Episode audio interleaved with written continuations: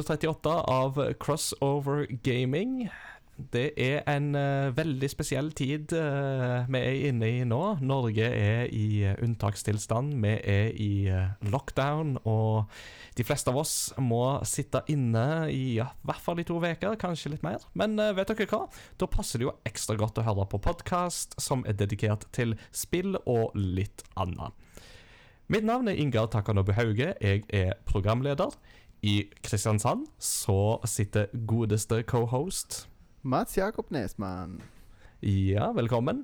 Og mine damer og herrer, til å begynne med i denne episoden så har vi en liten special announcement, og det gjelder vår eh, tredje faste programleder, Christian Fondeland. Det har seg sånn at Kristian Christian eh, har bedt om en liten permisjon, for eh, han har en del prosjekter gående for tida, annet eh, med et solomusikkprosjekt, eller egentlig er det vel en duo, eh, The Blue Gap. Um, og med litt andre ting så fant han rett og slett ut at det ble litt mange ting på en gang akkurat nå. Så han lurte på om han kunne ta en liten permisjon hvis han fant en god vikar. Det har han fått lov til, og han har funnet en god vikar. Så mine damer og herrer, fram til og med sommeren så er det vår store glede å presentere mannen, myten og jingle-legenden. Give it up for Martin! Ja, tusen, tusen takk. Det var en meget fin eh, presentasjon, da. Jo, Martin, eh, du har jo vært med et par ganger før, så det er jo noen av lytterne som allerede vet eh, litt hvem du er. Men sett at det er noen av de som hører på, som nå hører på for første gang, blant annet fordi at du nå kommer sterkere inn og begynner å uh, bli vår store trekkplaster uh, for podkasten, så gi oss en kort introduksjon av, av deg sjøl, Martin. Yes. Jeg heter Martin, som dere kanskje har visst. Jeg eh, traff eh, dere alle i Oslo. Jeg møtte Kristian på Kongshaug musikkgymnas, eh, for jeg er fra Os i Bergen. Mm. Um, har studert musikk og ja, liker å lage jingler, bl.a. til um, nerdelandslaget og Level Up. Og mm. jobber faktisk som vikar eh, på Holte videregående i Oslo. Og derfor er jeg, liker jeg å være vikar i crossover gaming også. Du er jo allerede godt trent på vikarjobben, så det skal ikke være noe problem. The Vicar. Ja, Og gaminghistorien din. Sånn, uh, ta, ta oss kort gjennom den òg. folk som har hørt på oss noen episoder, vet jo litt om meg og Mats Jakob sine preferanser. Men uh, hvor begynte det med deg, og hva er liksom dine hjertebarn når det gjelder gaming? Yes. Jeg har jo eh, Jeg har på en måte en kort, men òg en lang gaminghistorie, så vi får se hvor dette går. Men eh, det begynte jo, som det kanskje gjør for mange, med Nintendo Gameboy. Mm. Det, ja, det var så heldig å få når jeg var seks år. Og, um, men det som er med Gameboy, var at det var ganske vanskelige spill. Mitt første spill var jo da Dr. Mario, eh, som er Mhm. ganske vanskelig. Og så var det The Amazing Spider-Man og Batman. Eh, Som òg er, de er kjent for å være vanskelige, liksom. Så det var liksom eh, seks år gamle Martin eh, Jeg begynte tidlig med utfordringer, for å si det sånn. eh, men så er det jo òg eh, Pokémon som virkelig tok eh, tak i meg gamingmessig, altså. Det var liksom min første kjærlighet. Eh, det beste var jo at jeg Var det gul, blå, rød, sølv? Ja. Det første jeg eide Det vil si, jeg fikk ikke lov å ha Pokémon, så jeg lånte det av venner. Fordi eh, nabolaget vårt hadde gått sammen og bestemt at Pokémon er farlig, fordi de hadde liksom sett sånn der eh, ja, galskap fra Japan, og folk blir avhengige, og så videre. Og dyr slåss på skjermen. Å nei. Så um, Altså, mitt Oh, første møte med Ja, ja, ja. Mitt første møte med Pokémon var jo at ehm, jeg var på hyttetur med en kompis og hans foreldre. Og så hadde han med seg sin Gameboy med Pokémon. Og eh, så fikk jeg eh, låne det en kveld vi bare gama, liksom. Men eh, jeg klarte ikke slutte å spille, liksom. Så jeg endte jo opp med å døgne den første kvelden. Mens han, kompisen min sovna, liksom. Og eh, dagen etterpå så var jeg så dårlig mens eh, han og sine foreldre skulle ut på skitur. Så sa jeg at jeg var syk. så ble jeg inne og spilte mer dagen etterpå på hans Gameboy mens de var ute på skitur. Uh, Nice. men det jeg klarte når jeg eh, fikk lånt det for meg sjøl, da, det var jo Jeg hadde bare Charizard-type. Uh, Mm. Men så skjedde det når jeg skulle inn på en PC og eh, Bare se, hva skjer hvis du går inn på en PC? Og så klarte jeg å erase min eneste Pokémon, Charizard. Eller det vil si, jeg hadde òg en Metapod. Det var det jeg hadde, som bare kunne harden. Mm. Så liksom eh, Så kom jeg fram til Løytnant Surge og hadde bare Metapod som kunne harden, liksom. Så Mm. Så fikk jeg jo ikke råd til pokerballs, så det var, jeg måtte bare begynne på nytt. Så det var Håda bud. brutalt møte. Um, nei, for det er liksom Jeg har vokst opp i en litt konservativ hjem, da. Med Mm. tanke på um, Det har ikke vært lov å spille hvis liksom mine søsken ikke kan se på, og jeg har mindre søsken. Så det er mye jeg ikke har hatt lov til å spille, for å si det sånn. Mm. Og vi fikk PlayStation 1 når jeg var sånn tolv år. Etter alle andre, selvfølgelig. Spilte litt eh, Gran Turismo og en sånn dårlig snurre sprettspill og Quack Attack. Quack Attack. Eh, ja, ja, ja. Eh, så fikk vi PlayStation 2 em, etter alle andre også. Men det, da begynte virkelig min eh, litt voksne gamingkarriere, holdt jeg på å si. Eller mer modne. Men ja, Gran Turismo 3, SSX 3, um, Final Fantasy 12. Oh. Det var vel um, Ja, også Star Ocean til The End of Time. Det var mitt Mm. første rollespill, faktisk. Så da var jeg sånn wow. Star Ocean, Star Ocean er det ikke mange som eh, nevner i JRPG-sammenhengen, men eh, der kom den, altså. Ja, altså, det har sin sjarm. Det er ikke det beste, men det er veldig unikt. Og jeg syns det var veldig gøy um, fighting-system. Mm. Og så Star Wars Battlefront, selvfølgelig. I tillegg til så SingStar og Guitar Hero og alt det der. Mm, så det var sånn alltid Nintendo spilte jeg hos venner. Sånn um, 64, Kart og Smash. Min fetter hadde alt det der. Eh, Så jeg var alltid litt sånn derre Jeg har lyst på Nintendo! Så etter endelig mye masing, så fikk vi GameCube, da. Og da hadde jeg faktisk Yeah. spart sjøl, så jeg fikk lov til å kjøpe GameCube. Um, men det som var enda verre, var at uh, jeg hadde ikke lov å kjøpe Super Smash fordi på den europeiske versjonen så står det aldersgrense 15 på den første versjonen. Okay. Ja, ja, ja. Eh, og min lillesøster var jo sånn ti, så jeg fikk jo ikke lov til det. Så først når det kom ut i sånn platinum-utgave, så sto det sånn aldersgrense mm, 12, eller lavere i hvert fall. Så Mhm. da eh, gikk det an. Og da eh, Ja. Da ble jeg solgt på gaming, altså. Da var det liksom Tales of Symphonia, uh, Windwaker, Fantasy Mm. Star Online episode 1 og 2 fortsatt mine yndlingsspill. Crystal Mm. Chronicles, Final Fantasy. Mhm. En liten skjult perle der som jeg tror ikke alle har spilt. Og eh, jeg må bare ta én traumatisk hendelse som eh, var eh, en perfekt julaften. Så fikk jeg eh, Lord of the Rings, The Third Age. Ja, det husker jeg. Mm. Og som på julaften der før, når man fikk et spill, så var det jo bare å spille det spillet i stykker, liksom. Eh, Mm. Dagen etterpå. Eh, så husker jeg at jeg etter mye fighting klarte å bekjempe The Balrog. Mhm. Og var liksom OK, endelig skal jeg eh, utforske videre her. Og eh, når jeg skulle spille dagen etterpå, så var ikke spillet å finne. For da hadde min far konfiskert spillet. Uh, for det var aldersgrense 15. Og liksom eh, Lillesøster uh, kunne ikke se på, sant. Så det Mm. var um, Da bare Fortsatt synd på pappa for det, liksom. Så jeg tror vi Vi må gå i terapi, for det var liksom Det var ikke noe uh, Der var det no mercy, liksom.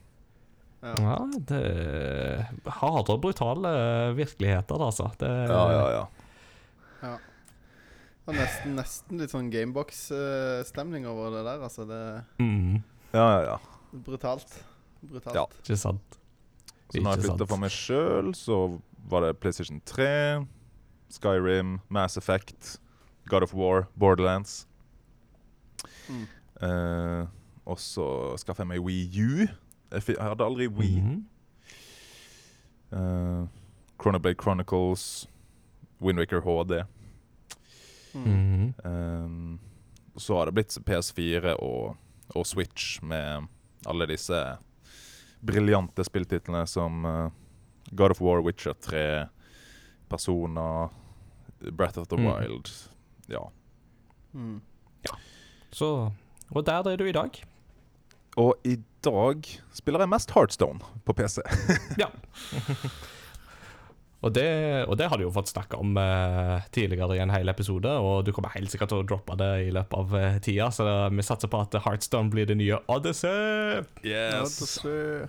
jeg kan si jeg liker Jeg er en mest sånn um, kosegamer, vil jeg si.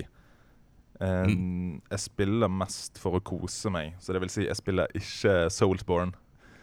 Og eh, Ah. ikke så mye um, high stress-spill, da. Mm. Litt sånn, for da koser jeg meg ikke så mye. Nei, men det skjønner jeg jo godt. Har du, um, har du fått testa Star Wars Jedi Fallen Order? Nei, du, det er på listen på denne her backloggen. Mm. Ja, for at jeg er jo litt sånn like en som deg, at eh, det der Soulsborne-greiene det sånn, Jeg hadde sikkert klart det hvis jeg hadde hatt 300 timer å dedikere til hvert spill, men det har jeg ikke, så da blir det liksom ikke noe av. Men eh, Mm. uh, Fallen Order tar liksom litt av det beste fra de systemene, syns jeg, og så gjør det litt mer tilgjengelig. Så Mm. sjekk det ut. Ja, det skal jeg gjøre. Mm. Men ja, det, vi eh, setter iallfall veldig pris på å ha deg med på laget, og det blir veldig gøy å høre stemmen din annenhver uke nå framover. Det tror jeg blir et veldig bra bidrag til, til fellesskapet, så det setter vi Mm, veldig pris på. Altså, jeg, jeg. En ting som er med meg, som ikke er med Christian, er at jeg eh, klarer jo ikke å nevne Assassin's Creed Odyssey like ofte som han gjør, da. Men eh, dere får gi tilbakemelding hvis jeg skal nevne det mer. sant? Det, vi- skal si ifra hvis du Nå nå må du huske å droppe Assassin's Creed Mm. Odyssey her. Du må Ja. bare lære oss. Det er liksom Det er litt som å på en måte Du må på en måte bare klemme det inn der, det, der du kan. Jeg skal gjøre det. Det, må, det, det skal bare nevnes når det nevnes kan. Men Mats Jakob, eh, hvordan går det med deg, Assassin's Creed Odyssey, egentlig? Ja, ikke sant? nå var, var det god. Nå var det god. Men jo, siden vi først eh, henvender oss til deg i Kristiansand, Mats Jakob, jeg ser du har en Mhm. litt annen bakgrunn uh, enn det du pleier å ha. Du pleier å sitte i din Uh, Mhm. men hvordan eh, det- For å si det sånn, jeg ser noen sånne barnetegninger og sånt bak deg. ja. ja, i dag sitter jeg på kjøkkenet og spiller inn. Eh, og det kunne jeg jo for så vidt ha gjort til vanlig òg, men eh, nå har det seg sånn at vi har eh, driver med litt sånn omorganisering av romløsninger i huset vårt. Så jeg har eh, frivillig ofra The Batcave. Eh, så den er no more. Det Men, hørtes eh, ikke så frivillig ut. Nei, men jeg, jeg, har, jeg, har jo, jeg har jo to rom. Jeg har jo Le Garage, og så har jeg mm. The Batcave. Mm. Og nå er det blitt Le Bat Cave. Le Bat Cave. Så nå er det blitt eh, et, et, eh, Ja, det er jo ikke, jeg er jo ikke ferdig. Det blir jo en lang prosess å få det til å funke. Men eh, det blir eh, eh, en, eh, en, eh, en garasje fylt med spill og trommer. Da får vi håpe at du ordner deg med god eh, alarm og hele pakka på garasjen òg, for den saks skyld. Så Ja, jeg bor i Kristiansand. Det er ikke så farlig. Det må jo sies ikke- det er at ikke- eh, det er en god tid for å game nå for tiden. Skulle man tro, Mm. i hvert fall. I disse Ja. karantenetider. I disse karantenetider, ja. Nei, så det er Sånn sett så har jeg mye tid til å omorganisere. For det er jo skal jo være tilgjengelig mens jeg er hjemme, men eh, Men det er ikke så lett å drive fjernmusikkundervisning. Så de har fått noen oppgaver som jeg skal følge opp, men eh, bortsett fra det så handler det mest om å være tilgjengelig og følge litt opp og ta litt kontakt med elevene og spørre åssen det går. Mm. Ja, du har jo blitt Ellers kjendis siden hjemme. sist. Ja. Ja, det må du fortelle om. Ja, det var jo vittig, da. Herlig land. Jeg kom på jobb, og så eh, hadde vi hatt en litt sånn eh, eh, eh, negativt lada sak rundt vår skole i nyhetene eh, i ukene før, som handla om en, at vi, vi deltok på en kunstutstilling, og så var det noen foreldre som reagerte veldig på dette. Ja, jeg leste dette her. Eh, for det var en finsk kunstner som kaller seg for Susi Raja, som eh, har eh, spesiell, men humoristisk kunst, da. Som Jeg syns det er jo omhandler veldig kul. Ja, jeg har òg veldig sansen for den kunsten, men uh, det kunstmuseet bomma på, var jo at de inviterte fjerde-femteklassinger når det på en måte eh, Det gikk, alt gikk over hodet på dem. Mm. Så hadde hun et par eh, suggestive bilder. Som Mm. eh, ikke nødvendigvis ble så veldig poengtert til elevene. Se på disse. De var der bare. Men dette ble da tatt ille opp av noen foreldre. Altså eh, ble det Ja, litt sånn eh, Alle legger seg jo flate når eh, på den, eh, på, i sånne ting. Så da tror jeg Dette vet jeg ikke, men jeg tror NRK fant ut at når de da skulle lage en sak om sang i skolen, så tenkte de at de skulle throw a bone til min skole og gi de en gladsak. Så da kom de på skolen, og eh, de lurte da på om jeg kunne snakke om sang i skolen og fremme det, og om de kunne da filme at jeg hadde musikktime. Ja. Så det var spennende, det. Det er gøy, gøy å ha musikktime med to klasser og 250 i puls med et kamera i trynet. Yes. Ekte stresstest. Det var Merka ingenting til at du var nervøs, altså. Så det, du, det, det så bra ut. Du tok det godt ut i Nintendo-hettegenser, og jeg hadde Yes. dilla på Kaptein Sortebil resten av dagen, så Det var jo veldig viktig. Jeg var sikker på at jeg skulle få kjeft av Tuva. For jeg hadde på meg en svart hettegenser med Nintendo-logoen foran, men hele ryggen er en stor Mario Kart Double Dash-logo. Yes. Veldig kul genser, men eh, kona mi er ikke sånn utprega fan av at jeg går og sporter masse gaming-T-skjorter. Mm. Eh, men det gikk fint. Hun syns ikke, hun syns ikke den genseren var så ille som noen andre ting jeg har hatt. Ja, du gjorde en god figur, og det eneste som var litt Ja. synd, var at det ikke var så mye Koji Kondo eller eh, Noebu Uematsu Mm. i musikktimen, da. Ja, ikke sant. Kanskje jeg skal lære de denne Siv 6-låta. Nei, Ja, ja, ja. fire-fem. Ja, sesong når de var lære. Det hadde jo absolutt vært noe å lære de. Ja. Ja, det er bra. Nei, Mm. gode greier. Nå har vi prata i det lange og det breie, eh, men det er klart at vi må jo ta litt tid til å introdusere vikaren, og sånn, så det er jo veldig bra. Eh, sist, av det litt sånn ekstraordinære, så har ikke jeg så mye å melde. Jeg hadde en PC som kortslutta litt, men har fått fiksa det, heldigvis, og Ja, klar igjen der. Så shout-out til Digital Impuls for at de klarte å fikse det. Så Digital Impuls! Nydelig. Men eh, hva sier dere? Skal vi gå i gang med å høre fra lytterne? Japp. Mm.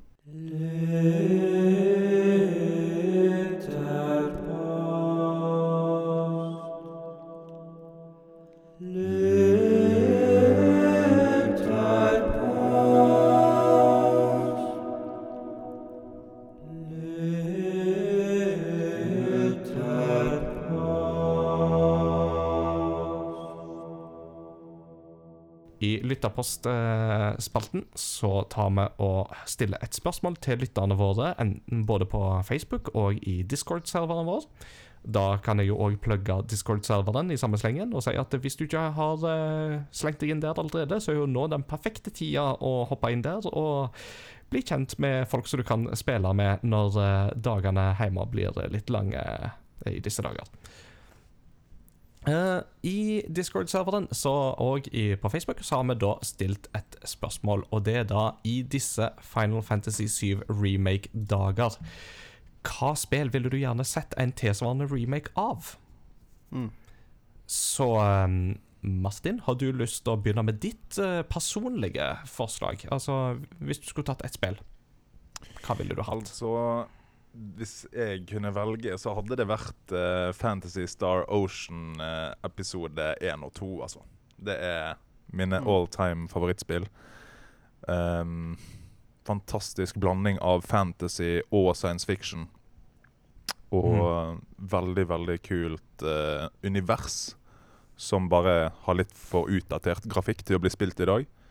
Men skulle gjerne sett en remake av det, altså. Det høres jo bra ut, det. Uh, Mats Jakob, hva med deg? Ja, jeg har, eh, jeg har liksom ikke klart å komme fram til noe. For at eh, Jeg tenkte, tenkte på Begynte å tenke med en gang på liksom mange av de her store, sånn som Final Fantasy 7. Tenkte liksom Ja, Krono Trigger og Final Fantasy 3 eller 6 og alle disse her. Men de Super Nintendo-spillene, det er liksom Jeg har liksom ikke jeg, har vanskelig for å tro at de får det like bra til. Sånn som Mm. Altså For Final Fantasy 7 var jo liksom Det var jo ikke 2D, men det var jo veldig sånn små Litt sånn uh, superdeformed karakterer og sånne ting. Men det har jo en mye mer eh, 3D-basert grafikk. Mm. Jeg vil tro det er en veldig stor jobb å skulle bygge kronotrigger fra bånda opp i liksom moderne HD-univers. da Men eh, jeg skulle gjerne hatt Ocarina of Time, ikke på 3DS-remaken, men jeg ville hatt en ordentlig konsoll-remake. Det tror jeg hadde vært helt eh, Det hadde gjort meg glad og takknemlig for evig tid. Oh, ja. For det, det er mange 64-spill som er veldig gøy, men 64-grafikken har ikke eldes spesielt godt. Mm. Eh, Ocarina of the da- Wild. Oh, now we're talking. Talk to me. Eh, men eh, ja, så typ eh, det, eller kanskje enda Nesten egentlig mer Majora's Mask, mest på grunn av av at den verden er litt mer sånn Det hadde vært gøy å sette den i HD. Gøyere Mm. enn Ocarina of Verden, for den er litt mer sånn tradisjonell eh, eh, fantasy-verden, mens den er eh, Den verden i Majora's Mask Eller bare få se den månen i HD. Det hadde vært creepy som Oh yes. Og jeg liker at de går litt i den retningen nå, i hvert fall med den teaseren til uh, Breath of the Wild 2, holdt jeg på å si. Mm. Ganske creepy Absolutt. teaser. Mm. Ja. Det blir veldig spennende å se når vi får mer nyttig fra det. Så Mm. ja, vi får vente og se. Uh, for min del så tenker jo jeg og liksom dere det samme at uh, hvis jeg skulle hatt en remake, eller ja, en sånn remake av noe, så måtte det nok vært ifra liksom den tidlige 3D-æraen, for det er jo kanskje Mm. den som er eldest dårligst på mange Mm. måter, syns jeg. Altså Super Nintendo, den 16-bit-æraen, syns jeg jo holder seg veldig veldig godt den dag i dag. Og er kanskje en av de mest slitesterke sånn sett. Mm. Men uh, den Nintendo 64, PlayStation 1-tida, den, um, den er det litt verre med. Mm. Uh, men og jeg har liksom ikke helt klart å lande på et eksakt spill som um, Sånn utenom altså, Ja, altså Ocarina og Majora, selvsagt, men jeg har ikke noe problem med å gå tilbake til deg heller, eller noe sånt. Så det er vanskelig å på en måte si eksakt hva jeg eventuelt skulle ha hatt. Uh, men uh, hvis jeg bare skal skyte fra hofta, så tenker jeg det hadde vært fryktelig gøy med et eh, Rogue Squadron. Altså et Star Wars Rogue Squadron-spill. Mm. Mm. Eh, gjerne laga av Criterion, de som sto bak flydelen i Star Wars, nye Star Wars Battlefront 2. For den var fryktelig bra laga. Eh, og det å fått noe litt sånn tilsvarende, um, det hadde vært gøy, altså. Mm. Mm. Ja, pluss én på det, altså. Jeg må jo si at uh, Final Fantasy 7-remaken lover jo veldig bra. Og Mm. kanskje Det er jo litt sånn trend å lage nye versjoner av gamle ting, både i film, men uh, det lover jo bra at det er såpass bra gjort, den her uh, demoen som har kommet ut, da. Mm. Mm. Den Det skal vi jo komme litt mer tilbake til òg, etter hvert. Eh, men eh, jeg håper jo det liksom at eh, en remake og sånt, det er absolutt vel og bra, uh, men samtidig så må de, de må ikke gå på bekostning av nye ideer. Uh, er litt viktig for meg, da. Så, Mm. Men nå ser det jo heldigvis ut at vi får en del nye spennende titler i, i år, så det er bare å vente og se. Ja. Skal vi se litt hva lytterne våre har eh, skrevet til oss? Da går jeg i Discord og plukker et par svar som jeg iallfall syns var veldig spennende. Den første er fra Zelialith, som da er Nikke på Discord, som skriver Jeg tenker kanskje det originale Nights of the Old Republic kunne vært kult å ha en remaster slash remake på. Det er et kjempebra spill, men det ser noe utdatert ut nå, og det føles også utdatert i kampsystemet. For noe herk å trykke opp og ned for å skifte én ability du kan bruke. Der har nettopp remaken av Final Fantasy 7 vist hvilke muligheter en har. Tenk hvor rått det hadde vært om en kunne gjenoppleve fortellingen om Bastila Shan, HK47 og Darth Revan i grafikk à la 2020. Og ikke minst om en kunne hatt et kampsystem med en ability bar. Mm. Uh, den eh, stiller jeg meg bare pluss én på, og helt enig i. Eh, det er nok mm. kanskje den remaken jeg aller, aller helst ville hatt sjøl, faktisk. Ja. Pluss én på meg òg, altså. Mm. Mm. Martin? Ja, da er det jo tid for uh, legenden og Åsmunds hjørne.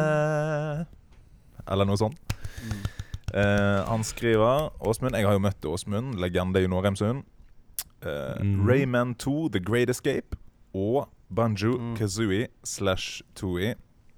Og i tillegg så skriver eh, Kjetil Austad slash Kjaus Gi meg Banjo Kazooie remake. Mm. Så Banjo Kazooie er tydeligvis etterspurt. Og jeg er pluss én på det òg, for å si det mildt. Ja. Jeg er helt enig. Uh, Mm. en, en ting jeg vil kunne Hvis jeg kan slenge på en til etter på slenger på mitt eget svar i stad Mm. eh, Det hadde vært eh, Det blir jo ikke helt det samme, men det er jo en slags eh, remake, da. Men eh, Donkey Kong Country-spillerne, de originale på Super Nintendo Det hadde vært superfett å sett en sånn eh, At de hadde fått den Tropical eh, Freeze-treatmenten. Ja. Den, altså, den Silicon Graphics-grafikken fra Super Nintendo-æraen er veldig kul, men det hadde vært også fett å sette i den eh, nye stilen, da. Mm, absolutt. Eh, for det er jo bunnsolide spill. Som Ja, ja, ja. eh, absolutt har eh, alle, alle eh, Virkelig har livets rett i 2020 også. Fantastisk. Jeg spilte det det på Gameboy, sånn- faktisk. Ja, det, for det er ganske brukbare porter, det òg, av de Mm. spillerne. Men, Mm. uh, det er, ja, men det hadde vært en bra sånn uh, Gi han den der Megamann-treatmenten med en sånn pakke med alle tre spillerne i. Eller Mm. et eller annet Mm. sånt. Uansett, eh, diakon eh, Eirik Ramsli Hauge har skrevet Dragon Quest 5. Mm. Kommer ikke over hvor bra dette spillet er. Jeg har gått lenge og trodd at Chrono Trigger var i sin egen liga, men det viser seg at Dragon Quest 5 er i samme liga. Om enn litt lenger nede på rankingen. Mhm. Det er, det er koselig. Det er, jeg, jeg liker følelsen av at, eh, at han fikk det spillet av meg. Så det, det er ek, ek, ekstra stas. Men jeg, pluss én på det, altså. Det er et eh, veldig, veldig bra spill. Mm. Mhm. Jeg eh, må, På et eller annet tidspunkt så må jeg komme i gang med Dragon Quest-spillene i langt større grad sjøl. Men jeg får ta det når jeg er ferdig med det, et av eh, de andre prosjektene som jeg holder på med. Vi får se. Eller når du er pensjonert. Ja. Uh, Pensjonisttilværelsen, eh, da skal jeg få game masse. Det, det kan jeg love. Jep. Eh, vår uh, Discord-bruker Brult Harest, uh, jeg håper jeg utta- uttalte det riktig, skriver «Eh, enda en jeg kom på, er Drakengard-spillene, spillserien som Near Automata egentlig kommer fra, siden det originale Near var en spin-off fra den serien. Det hadde vært fantastisk om det hadde blitt remaket, sånn at flere folk kunne fått med seg hele historien. Jeg er selv veldig gira på å spille de spillene selv, nå etter å ha fått alle fem major endings i Automata. Og det kan jo eh, stille meg helt bak. Eh, tidligere, litt lenger oppe, så har han òg skrevet at han òg ville hatt en remake av de japansk-eksklusive Fire Emblem-spillene Genealogy of the Holy War og Trakia 7076. Fantastiske spill som ikke er mulig å spille offisielt på engelsk engang. Den eh, ville jeg definitivt hatt sjøl. Eh, jeg er jo kjempestor Fire Emblem-fan, og av den gamle skolen, ikke minst, så er det mange fantastiske Fire Emblem-spill. Så ja takk, la oss få en offisiell lansering av uh, de spillene vi ikke har tilgjengelig. Mm. Mm. Absolutt. Da er det vel Martin sin tur igjen, tror jeg. Ja, eller Yes. hadde du tatt begge? Uh, Nei, jeg kan ta han uh, Olorin, som han heter på Discord. Og det er veldig Mhm. gøy at folk uh, sender inn på Discord, altså. Og vi leser alle. Det er bare det at de må velge noen eh, for uh, å ikke bruke altfor lang tid. Men Olorin Absolutt. skriver um, SSX Tricky, Lord of the Rings, Return of the King og Ocarina of Time har jo blitt nevnt. Men jeg sjøl personlig, SSX det siste, altså SSX 3 kom ut i 2003. 17 år siden. Mhm. Og siden den gang har det ikke kommet ut noe bra snowboardspill, syns jeg. da Og det, Mm. det er på tide at vi får eh, et eh, konge SSX-spill på nytt, spør du meg. Mm. Mm. Enig. Godt og godt. Mats Jakob, har du en eh, siste uh, lytterinnsending? Ja, det er uh, det, er- Alle disse her brukernavnene er mye lettere med menneskenavn, holdt jeg på å si. Men uh, eh, Brult har rest, er det det står? Ja. Ja. Eh, har skrevet bare 'Secret of Mana'. Og jeg syns det er interessant, fordi den fikk jo en HD-remake eh, for ett eller to år siden. Mhm. Eh, og eh, det, den HD-remaken er litt av bakgrunnen til det jeg sa med i forhold til Super Nintendo 16-bit RPG-spill. Eh, fordi at den remaken fikk ikke noe spesielt god eh, mottagelse. Nei. Eh, Og jeg tror ikke at nødvendigvis en eh, full 3D eh, tredjepersons RPG hadde hjulpet. Gjort det noe Mm. bedre. Ehm, fordi jeg tror ofte de historiene fungerer bra i, med de begrensningene de har, da. Mm. Og Mm. Sånn at eh, jeg, jeg er helt enig. Jeg skulle gjerne hatt en som funka, men jeg tror ikke det hadde funka. Mm. Så det- sant. Det er veldig artig, da, men eh, Secret of Mana var jo egentlig et spill som ble utvikla med tanke Eller var et av disse spillene som ble opprinnelig utvikla for eh, Nintendo PlayStation. Mm. Denne konsollen som jo aldri ble noe av, denne CD-roms-konsollen. Som eh, jo egentlig skulle være et samarbeid mellom Nintendo og Sony. Mm. Eh, og så gikk jo det samarbeidet skeis, men de klarte likevel å poste arbeidet over til å passe inn på en spillkassett likevel. Så det var Mhm. ganske imponerende, sånn sett. Ja, Det er et vanvittig bra spill. Og Mm. det har, hold deg fast, tre player. Ja, det har så. Det er ganske festlig. At du kan spille tre stykker. Men, Hvorfor eh, ikke fire? Sikkert begrensninger, da. Men uh, jeg har prøvd å spille to player. Og det Mm. er veldig mye gøyere enn én player. Men du må ja, Altså, arrester meg gjerne, men uh, to, tre, fire timer ut i spillet før du unlocker uh, karakter nummer to, som gjør at du kan spille multiplayer. Så det er ikke fra starten. Du må liksom komme et stykke ut i spillet før du kan ha med spiller nummer to. Og det er litt sånn uh, Og så enda lenger ut igjen før du kan ha med spiller nummer tre, før du er tre partymedlemmer. Så det er Ja. Ja, så jeg tror det er kanskje derfor de ikke flagga kjempehøyt at Hei, treplayerspill. For det, det er liksom ikke bare å plukke det opp og spille treplayer. Uh, Mm. Og det blir kanskje aldri fire i partyet? Er litt us... Nei, jeg tror ikke det. det.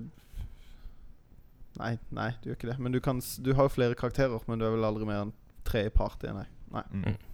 Ja. Hmm.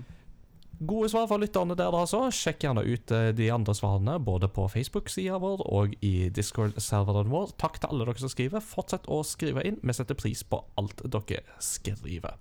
Word.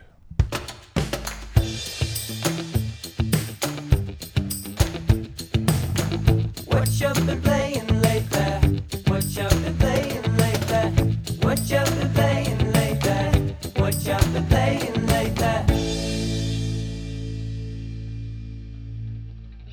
All right, nå er det gode, gode tider for å spille spill, folkens. Nå kan vi få lagt inn ganske mye tid i gaming framover, nå som vi skal sitte inne og ikke bevege oss ute. Men vet du hva, this is what I've been training for.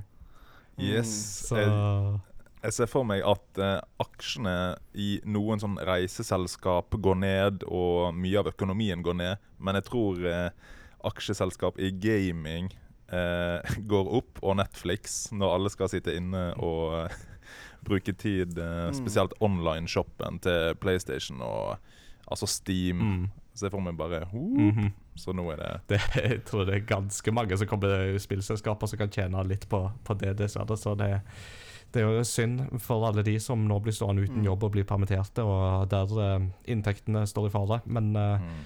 det er noen òg som faktisk vil tjene på det, så det er holdt jeg på å si, enes død, den andres brød, er det jo noe som heter. Mm. Mm. Eh, så, men eh, vi får bare ta uh, og gjøre det beste ut av det. Uh, det Mm. blir jo en liten digresjon, men Aftenposten skrev jo om litt liksom Wuhan i Kina. Og hvordan liksom den byen hadde klart seg nå gjennom hele krisa. For de var jo, ble jo stengt ned i beste Resident Evil 2-stil. Mm. og da var det jo Aftenposten eh, skrev jo det med at uh, mest sannsynlig så vil Wuhan oppleve to ting. De vil oppleve en babyboom, fordi at uh, folk har vært veldig Alle hjemme har ikke hatt så mye annet å gjøre på, for å si det sånn. Mm. Uh, men en annen ting som de også påpekte, var at det kommer til å se en skilsmisseboom. Fordi her har du kjempetravle par som normalt ikke ser hverandre så veldig masse, og ikke liksom bruker så mye tid. uh, og så plutselig så skal de være innestengt og bruke all tid sammen med hverandre. Ja, enten eller. Ja, Mm. Koronaskilsmisse eller koronabarn. Ja. ja. det er liksom ett av to. Men jo, uh, vi har jo spilt én ting alle tre, Uh, og den tingen tenkte jeg vi kunne ta til slutt. Eh, så da kan vi heller begynne med de andre tingene vi har spilt først. Og da kan jeg gjerne begynne, Mm. fordi for bare noen få timer siden så ble jeg endelig ferdig med Yakuza 0. Uh, Hei. Gratulerer. Jo, så etter 35 timer så er jeg endelig ferdig med eh, den opplevelsen, og jeg må si det har vært gøy hele veien, altså. Det, jeg gleder meg oppriktig til å sette meg ned med neste Yakuza-spill og fortsette på det eventyret. Blir det tatovering? Det blir ikke tatovering på meg. Eh, det kommer det nok fortsatt ikke til å bli. Eh, av eh, hensyn til Japan-turer og sånt, så tør jeg ikke å ta, ta den, altså. Men uh, det er noen heftige tatoveringer på disse gutta når de river av seg dressskjortene og bare står der i baringsen og flasher tatoveringene sine. Så Yes. Nei, men um, um, long story short Jeg har jo snakka litt om Yakuza før, men for å ta en sånn liten recap Dette er jo på en måte den første satt i kronologien i Yakuza-serien. Og er jo satt til jappetida i Japan, så pengene flyter, og det er mye på en måte Alt er veldig flashy og sånt, ikke sant? Og så er det jo midt oppi dette her at du følger dette her dramaet i den japanske mafiaen. og det er jo litt sånn spennende, fordi at um, sentralt i denne handlinga så er det da en bitte liten flekk av en, jord, av en jordflekk midt i på en måte ingenmannsland, midt i denne byen i Kamurocho. Som da er på sånn ca. Sånn tre kvadratmeter sånn totalt sett. Men dette, denne The Empty Lot, som de kaller det, spiller da en veldig veldig sentral rolle i historien i dette spillet, fordi Tokyo by har jo planer om å revitalisere og bygge nytt i dette området her. Og de som da eier eiendommene, de vil jo da tjene masse på dette og kontrollere Kamurochos framtid langt på vei. Men så er det denne lille flekken med ingenmannsland som da på en måte risikerer å stikke kjepper i hjulene for det, og da eh, så, så så er det jo da veldig sånn dragkamp om å få kontroll over denne jordflekken og finne dens eier. Hmm. Så så ja, og Midt oppi dette her så følger vi jo da historien til Kiryu, som jo er hovedpersonen i Yakuza-serien, og eh, Majima, som er eh, han andre hovedpersonen i Yakuza-serien. Som han med sånn lapp på øynene, altså skikkelig sånn crazy banana-fyr, egentlig. Mhm. Eh, så veldig, veldig artig. Uh, og det er jo så gøy, for at Majima han har jo sånn utprega Osaka Kansai-aksent. Det snakker skikkelig bredt, og det er Oi. så gøy å høre på. Bagayaro! Nani utorenja? Hoi! Vet du, den, Demme! Veldig sånn brei eh, Kansai-dialekt. Så det er kjempe, kjempeartig å høre på. Kult. Mm. Så det er jeg nå ferdig med. Og så um, eh, har jeg òg da spilt eh, For Game Rector, så har jeg jo da anmeldt Ori and the Will of the Wisps. Yes, Mm. kul anmeldelse du skrev der. Tusen takk. tusen takk Den er bare å sjekke ut, folkens. Uh, og Ori and the Will of the Wisps er jo langt på vei det første storspillet for 2020. Så det er liksom Mm. sånn Nå, etter en lang og tørr vinter, så begynner på en måte nå endelig spillene å komme nå i mars. Og Ori and the Will of the Wisps er blant de første spillene som kicker det der i gang. Mm. Det er jo da oppfølgeren til Ori and the Blind Forest, som var en personlig favoritt for meg i 2015, da det kom ut. Det er et veldig sånn kunstnerisk, estetisk, todimensjonalt mm, plattformspill i det som jeg kaller for Metroidvania-sjangeren. Det vil si at uh, du går, og så kommer du til et hinder, og så skjønner du det at uh, jeg kan ikke komme meg forbi dette hinderet nå, jeg må komme tilbake seinere når jeg har fått nye krefter og nye evner og egenskaper. Mm. Er veldig sånn vakker og melankolsk stemning i både grafikk og musikk i dette her. Så jeg hadde jo litt forhåpninger til, til spillet, og hadde jo absolutt et håp om at uh, dette spillet skulle bli bra. Men vet dere hva? Ori and the Will of the Wisps overgår originalen. Det hadde jeg ikke trodd det da jeg mulig, satte meg ned med det. det. Nei, for det er nettopp det. Altså, du skulle nesten ikke tro det var mulig. Men de tar bare det som funker så bra allerede i utgangspunktet i originalen, og så bygger de så utrolig godt videre på det. Og det er et spill der du hele tida bare vil utforske litt til og litt til og litt til. Jeg kjeder meg ikke et sekund med det spillet. Og det er supervakkert. Det er melankolsk og flott. Du vil gråte, du vil le, du vil kjenne på hele følelsesregisteret. Og så er det veldig gøy at um, i dette spillet så blir du òg mer kjent med andre dyr. Uh, fordi at du er ikke i samme skogen som sist gang, du er i nabolandet. Og den skogen er i ferd med på en måte å visne og dø hen, så du skal bringe liv tilbake til den. da.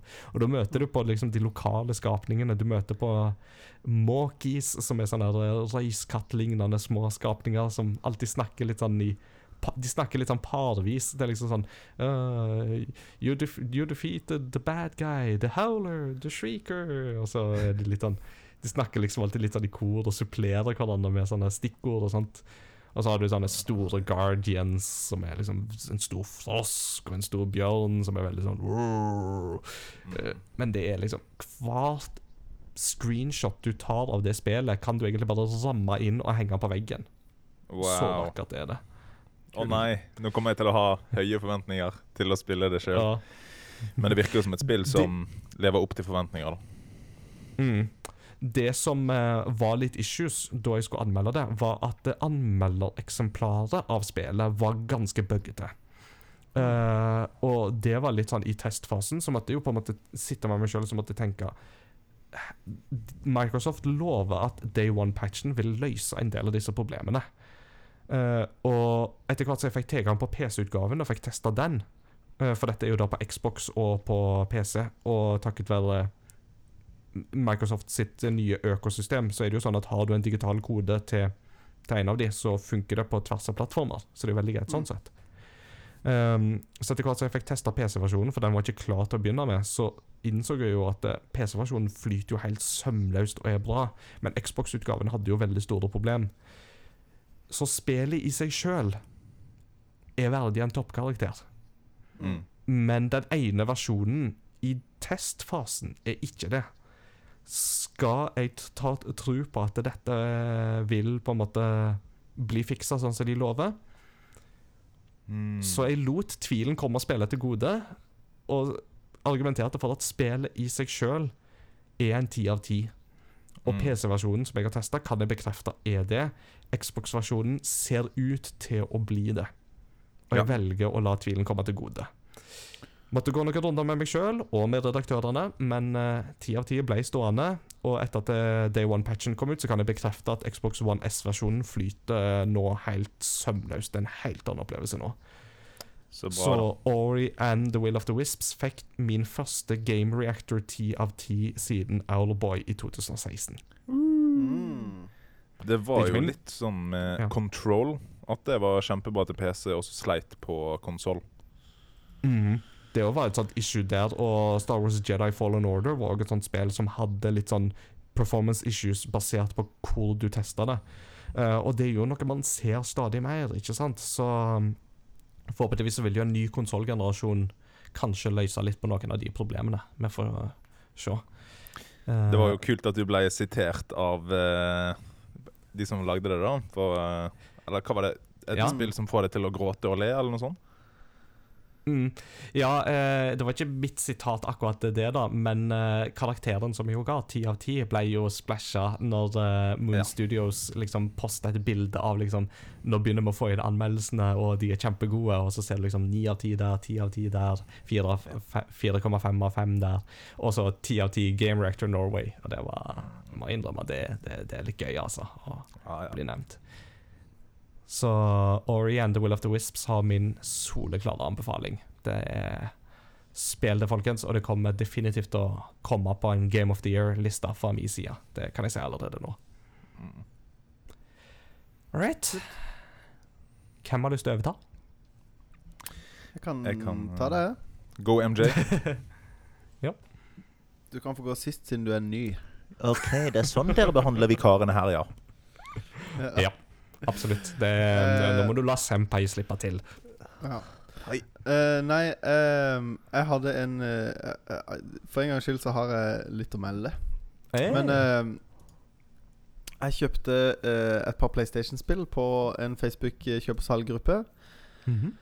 Og så oppdaga jeg når jeg hadde vunnet den auksjonen, hvis du kan kalle det det, at det var min eh, 60-70 år gamle nabo som solgte de spillene. Som går vegg i vegg med meg. Eh, så jeg snakka med han over uh, hagegjerdet en dag. Så sa, jeg, sa han ja du, fikk de, ja, du fikk de litt for billig, sa han. Så sa jeg ja, det var en god pris, det. Så viser det seg at de spillene Han Jeg ante jo ikke at han hadde noe. Han, er egentlig, han samler egentlig på vinyl og har en helt ekstrem vinylsamling og et helt vilt stereoanlegg. Nice. Men uh, det viste han hadde vært hjemme hos en kompis, og så sto det en kasse i gangen med ting de skulle kaste. Og det var da en kasse med spill. Så han tok den med seg. Ja. Oh, the humanity. Eh, men uh, Så jeg spurte Ja, kan jeg få se kassa. Ja, jo, ja, du kan det, men ikke da. Og så spurt, spurt flere ganger. Så, ja, det passer ikke i kveld. passer ikke i kveld Så kom jeg bort, fikk jeg endelig komme bort og hente spillene jeg hadde kjøpt. Og så var det jo Det var ikke mye å skryte av. Det var jo De to beste spillene var jo de jeg kjøpte, som han hadde lagt ut. Men uh, allikevel uh, en gøy opplevelse, da. Og et av de spillene var Jeg er jo en sucker for golfspill. Ja. Så det ene spillet var Everybody's Golf 2. På PlayStation. Og det er et fryktelig gøy golfspill. Det er veldig eh, sånn arkadeaktig. Mm. Med veldig sånn karikerte karakterer eh, og sånne ting. Men det, det har eh, Det har en veldig kul oppbygning i at du Du eh, Det er ikke sånn at du spiller én karakter, og så spiller du karrieren til den karakteren, men du er det. Altså, jeg er meg, meg sjøl, og så velger jeg hvilken karakter jeg vil spille. Og så unlocker du karakterer, og så samler du poeng gjennom turneringer, og så står det hvor mange dager du har spilt Altså hvor mange på en måte Nei, hvor mange år du har spilt eh, golf, da. Mm. Og så på en måte begynner du som amatør og spiller amatørturneringer, og så bygger du opp videre og videre, da. Så det har overraskende mye å overraske Altså, jeg kan jo ikke kalle det dybde, men til å være et golfspill, så er det mye dybde i liksom spillet, da. Det er ikke bare en golfsimulator. Mm. Som gjør det veldig gøy. Og hvis du slår et kjempebra slag, så, så beiner karakteren din etter ballen. så når du ser den der eh, Når du skyter den og du får sånn der eh, flammer bak ballen, og sånn så ser du at karakteren din piler nedover fairwayen for å se hvor han lander hen. Yeah, Så yeah, yeah. Mye sånn, veldig mye sånn gøye detaljer, da. Mm. Kult. Kult. Jeg har spilt eh, Everybody's Golf på Vita, og det var veldig gøy. Mm. Uh, så det er veldig sånn kul Kul golfserie hvis du på en måte Altså, jeg syns jo det er gøy med sånn PGA, golf, Tiger Woods-spill også, men men det her er på en måte en annen greie. Mm. Eh, og det er utrolig avslappende å sitte Jeg hadde en kveld jeg spilte og var skikkelig sliten, og så sitter bare og spille et golfspill, og det er koselig musikk, og det er rolig og lunt, og det er fine grønne gress, og det er veldig sånn Det er veldig sånn meditativt og avslappende spill, da. Veldig, litt som du snakker kosegaming, Mm. eh, Martin. Mm. Ingar? Uh, siden du snakket om uh, Tiger Woods og golfspill og sånne ting, har du sett -hmm. South Park-episoden der Cartman spiller Tiger Woods? PGA Nei. Tour. Det har jeg faktisk ikke sett. For det er Det er bare sånn Det er vel Stan eller Kyle som kommer på besøk og så overrasker over at Cartman sitter og spiller golfspill. Og så bare sånn Ja, ja, men dette er kjempebra at det er oppdatert liksom med tanke på liksom siste tids begivenheter. For det var jo den tid der uh, Tiger Woods gikk gjennom en, en hel sånn utroskapssak. Så Yep. idet Ja. da Tiger Woods står klar og skal liksom slå golfballen, så kommer plutselig kona og bare I never should have married you! Og begynner å slå han med golfkølle. Og så blir det til et fighting-spill istedenfor. Oh, nice. South Park, Ja, det altså. er bra å få inn sånn NHL-element i PGA. Det, det må få. Gloves are off, man. Det, det, det er mer sånn eh, PGA møter Mortal Kombat. Ja, vi hadde jo nettopp en norsk eh, PGA-vinner, så Ja. golf er er, litt kult. i vinden. Jeg liker den der, eh, Mm. Volkswagen-golf, jeg. Åh. Oh, tørr. Den var tørr. Å nei, jeg begynner å bli pappa. Ja, det er, du, nå fyller du skoene til Christian Brahe. eh, yes. Og eh, et annet spill som lå i den uh, boksen jeg kjøpte, det var Crash Bandicoot uh, 2. Crash Hey. Bandicoot Crash Bandicoot Coot. eh, 2. Og det er jo et strålende spill. Jeg har ikke spilt Insane Trilogy, som kom ut, eh, men eh, jeg, jeg, syns sjarmen er Det er sjarm med de PlayStation 1-spillene. At det skal være litt sånn Det skal være litt blocky. Og spesielt i det spillet der som det er null problem i med liksom eh, kontroll eller generell liksom performance. Det legger ikke Det er ikke liksom Det er ikke det den HD-remaken på en måte bidro med. Det var ikke den der finpussen, for det er veldig finpussa, spesielt eh, toeren. da Mm. Det er veldig finpussa gameplay, så det er ikke noe sånn det, det, det, det er helt topp å spille. Og den PlayStation-kontrollen har jo ikke forandra seg veldig mye siden DualShock 1 kom. Nope. Så sånn sett er det egentlig bare kos. Eh, og så hadde jeg en, eh, en kveld med min venn, eh, vår venn Simon. Simon! Simon Som spiller bass på uh, Curiosity-jinglen. Mm -hmm. Eh, og eh, Simon er eh, den jeg kjenner som er aller flinkest på, til å spille uh, A Link to the Past og Super Mario World. Ah. Han er vokst opp med to eldre brødre og det spillet, så han er vokst opp med først å se på, og så å mestre. Eh, Mm. Og jeg snakka om det før, men det er en stund siden nå. Men det er så fascinerende å se på hvordan, hvordan sånne ting bare ligger i fingrene.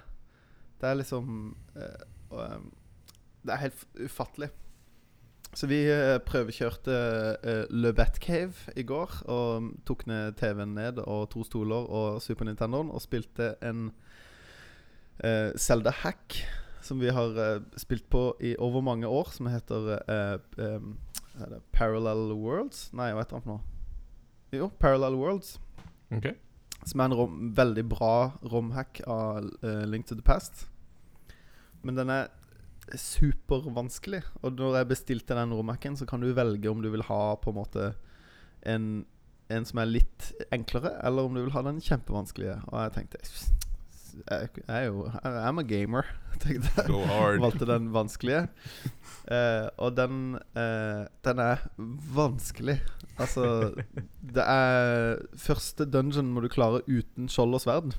Mm. Og du får ikke save før du har klart dungeonen. Oh. Uten sverd? Så uten sverd, uten skjold. Bare sånne der krukker og bomber som du finner, og sånne ting. Og det er, og det er liksom eh, Ja, vi kom til et punkt i går hvor det var liksom eh, bare en sånn mellom-dungeon. Du skal liksom opp på toppen av fjellet, og så går du gjennom masse rom. Og da var det etter rommene var en av fiendene var eh, En av fiendene er en av de siste bossene i det originale spillet. Men dette var bare en helt vanlig fiende. Eh, Wow. så, så det er helt sånn Det er helt absurd vanskelig. Og vi har spilt Jeg tror det er åttende eller niende kvelden vi sitter og spiller det, og vi er kommet til dungeon nummer to. Men MJ, bare get Ja. good, OK? Get good. Ja, ja, ja. ja. Jeg, jeg spiller ikke. Jeg ser på. Det er, ikke noe vit, altså, det er ikke vits at jeg spiller, for det er, det er Altså Ja, det er som å se på en virtuos spille fiolin og se på Simon spille Zelda. For det er bare sånn Det er helt fascinerende hvor god han er i det spillet. Han har spilt så mye det Wow. spillet, og det er, det er kjempegøy. Uh, og Akkurat det samme med Mario World. Jeg bestilte en hack der òg, som heter Return to Dinosaur Land. Som er da en hack av Mario World. Som er vanskeligere, men den er ikke i nærheten. Den er ikke på det Zelda-nivået. Så i går kom vi til Bowsers Castle. Eh, og det var Der, der kom vi ikke lenger. For det var grusomt vanskelig. Uh, men eh, det, er, det er skikkelig gøy å sitte to stykker og Vi sendte jo ikke kontrollen pga. korona, så vi hadde hver vår. Så vi satt og Hvis jeg skulle spille, så plugga vi ut hans sin og plugga inn min. Ja, moderne løsninger. Mm. Men uh, ja, det er skikkelig Det er skikkelig kos. eh, God kvalitetstid. Og jeg spilte jo kanskje 10% av tida vi satt der. Og likevel, det er så gøy. Og jeg har strevd veldig med den derre Veldig lenge med å eh, se på eh, streams. Og Det snakka jeg jo litt om når, at eh, første gang jeg liksom fikk fot for det, var når jeg så den Euphoria Hebereke-streamen på GameStone Quick. Mm. Mhm. At jeg syns det var litt stas, da. Men, eh, men jeg syns jo det er dritgøy å sitte ved siden av en som spiller, og, og se på. Og liksom at man har men Det er noe med den interaksjonen nå, da, som er, som er veldig gøy, og som jeg syns er veldig kul. Kult. Så det, er- det er det jeg har spilt. Mm. Nice. Men eh, Nå har jeg snakka mye, men eh, jeg må nevne en ting til som vi glemte å nevne, Ingar, i okay. hva vi har gjort siden sist. For det, vi har jo gjort noe veldig stas. ja, det er jo sant. Sammen med noen av våre eh, mediegamere og lyttere. Mhm. For vi har jo starta Retrospellauget, Ja. som er da en slags bokklubb for spill. Mhm. Og vi er holder på da å spille gjennom eh, eh, Skyward Skyward Sword, Sword. Legend of Zelda Skyward Sword. Og vi hadde vårt første bokklubbmøte på onsdag, og det Mhm. var ustyrtelig hyggelig. Det var Det det. var, det var skikkelig gøy. Og det var, og det var jo til å begynne med så var det bare du og Sigrun. Sigrun. Mhm. Og så kom jeg, og så kom Eirik. Og så eh, fikk ikke sistemann det til, Kjetil. Men eh, fy søren så gøy det er å sitte og bare drøse om et spill man holder på med. Når Mhm. Det er lenge siden jeg har gjort det, jeg, for jeg pleier jo ikke å være så veldig up to date på det nyeste og hippeste. Eh, så det var litt gøy å sitte og snakke om et spill som alle var liksom midt i. Mhm. Eh, samtidig å dele erfaringer, og spesielt når eh, Det var vel bare en av oss som ikke hadde spilt det før, men det var også veldig gøy å høre litt sånn first impressions nå, Mm. eh, med et spill som Ja, nei, det var, det var skikkelig stas. Ja. Hvis det er noen av våre lyttere som har lyst til å være med på det, så er det bare å joine oss i, um, i Discord. Um, på serveren vår så har vi en egen kanal som heter Mm. Retrospellauget, og der setter vi opp tidspunkt uh, for eh, samlingene, og hvor langt man da må ha spilt uh, til den samlinga. Så det blir sånn Mm. som en bokklubb har gjerne sånn du skal ha lest liksom de tre første kapitlene, og så til neste gang skal du lese de tre neste kapitlene. Her, er det på, her har um, godeste Eirik har laga en sånn studieplan. Eh, sånn at Mm. eh, til første samling skal du ha spilt så langt, og så til andre samling så langt, osv. Og, og så noterer vi litt underveis. Mm. Så, men det var skikkelig kos, ja. Så bli Ja, det med var på det, hyggelig. folkens. Mm. Ja, jeg håper Jeg liksom tipper nok at det Nei, kjør på. Nei, bare jeg skulle si at jeg håper at uh, spillklubber blir sånn som uh, bokklubben er. vi er. At du snakker lenge om å analysere liksom uh, karakterutvikling og historiegrep og uh, forteller teknikk Mm. og gå litt i dyp analyse av spillet. Mm.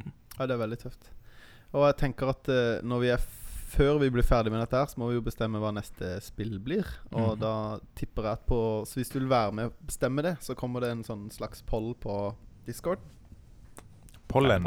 Sånn at det da Litt pollen på Discord, så hvis du har pollenallergi, hold deg langt unna. Hold deg langt, hold deg langt unna.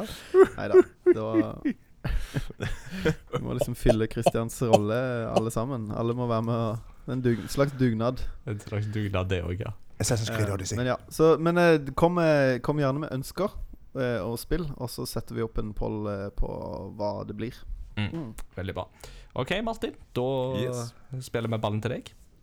Ja, jeg har vært litt uh, trofast tjener til Blizzard uh, lately. Litt Blizzard slave, selv om de har gått gjennom litt kontroversielle ting. Men um, Mm. jeg fikk jo prøvd den her Warcraft 3-remake. Og Ja. den har jo fått litt tilbakemelding som ikke er like positiv som uh, Final Fantasy 7-versjonen, for å si det mildt. Nei Eh, ja. Ja. Så Yin og yang, de der to. Eh, mest fordi jeg ikke hadde spilt det før så mye. Jeg har spilt Frozen Throne, men ikke um, Mm. opprinnelige Warcraft 3. Så var jeg veldig sånn spent på historien, og det er jo en bra historie og gøy å spille og sånn, men det er Det var for mye for, van, for bugs, for buggy og Spesielt bare når du skal liksom Du klarer ikke å targete alle units du har. Det er bare sånn maks tid du kan få med deg, og det var sånn derre Mm. Jeg spilte eh, i sånn 10-12 timer, kanskje. Mm. Så vi får se om jeg tar opp igjen tråden. Jeg tror ikke det. Men um, Mm. terningkast tre der, altså. Så kjipt. Ja, det er men, jo synd. men har de ikke klart å slenge seg på det patcher? Altså, jeg, jeg skjønner ikke. Har de bare Er det bare abandoned ship der? De ga jo alle som ville penger tilbake og Ja Nei, jeg håper jo at de skal fikse det, men um, det Mm. virker jo ikke som de har gjort det ennå. Dette er et tilfelle der jeg ikke ville latt tvilen komme til gode, for å si det sånn. Nei. Nei. Um, så det har jeg spilt, og selv om en litt dårlig erfaring, så holder meg trofast til Blizzard, da. Med å Ja. Altså, jeg er en kosegamer, men jeg er òg en sosial gamer. Så jeg følger litt sånn Mm. Hvor er det vennene mine spiller? Og så er det liksom en del av vennene mine som har spilt Overwatch. mm. Mens jeg aldri har vært en uh, PC-gamer og spilte ikke det på konsoll, så bestemte jeg meg for OK, da skal jeg lære meg Overwatch. Mm. Så da fikk jeg jo litt hjelp av uh, Ingar Sand og eh, hans eh, kjære fru, blant annet. Yes. Og Christian Mm. og Kjetil. Christian, Kjetil Eh, så da har jeg lært meg eh, Ja. Har lært meg litt eh, Det er jo en bratt kurve, og det er jo mye å sette seg inn i med heroes og baner og meta Mm. og gubben og katten. Så Hmm. Men jeg hadde et episk øyeblikk med Orissa som jeg eh, sendte til Inga, blant annet. Der jeg eh, fikk brukt eh, hennes ability til å pulle to fra motstanderlaget ned i et hull, eh, sånn at de døde. Mhm. Det var veldig bra. altså at det, Da Ja. har du begynt å komme deg. altså at Det, det skal du ha. Mm. Så fikk jeg play of the game. Yeah. Så Hey. det er jo kjekt. Selv om jeg er litt noob eh, fortsatt. Men um, jeg kan jo leve litt på noob goodwill enn så lenge. Mm -hmm. uh, og så er det Heartstone som har fått en ny patch til det som heter Battlegrounds. Ja. Det er Mm. da uh, Blizzard sin uh, auto-chess-versjon. Det er liksom en sånn eh, auto-battler, da. Som består av liksom to runder, der den første så gjør du klar laget ditt. Og andre runden så er det liksom eh, Så kjemper du mot en av de åtte andre. Så det er på en måte det nærmeste Blizzard kommer eh, Battle Royale også, foreløpig. Mm. Men uh, uh, Ja, kjempegøy. Jeg, altså, jeg blir jo sånn manisk når det, når det kommer ut sånne nye ting som jeg kan sette meg inn i. Det er nesten som um, av, Hvis man kan sjakk, og så liksom kommer det en ny brikke.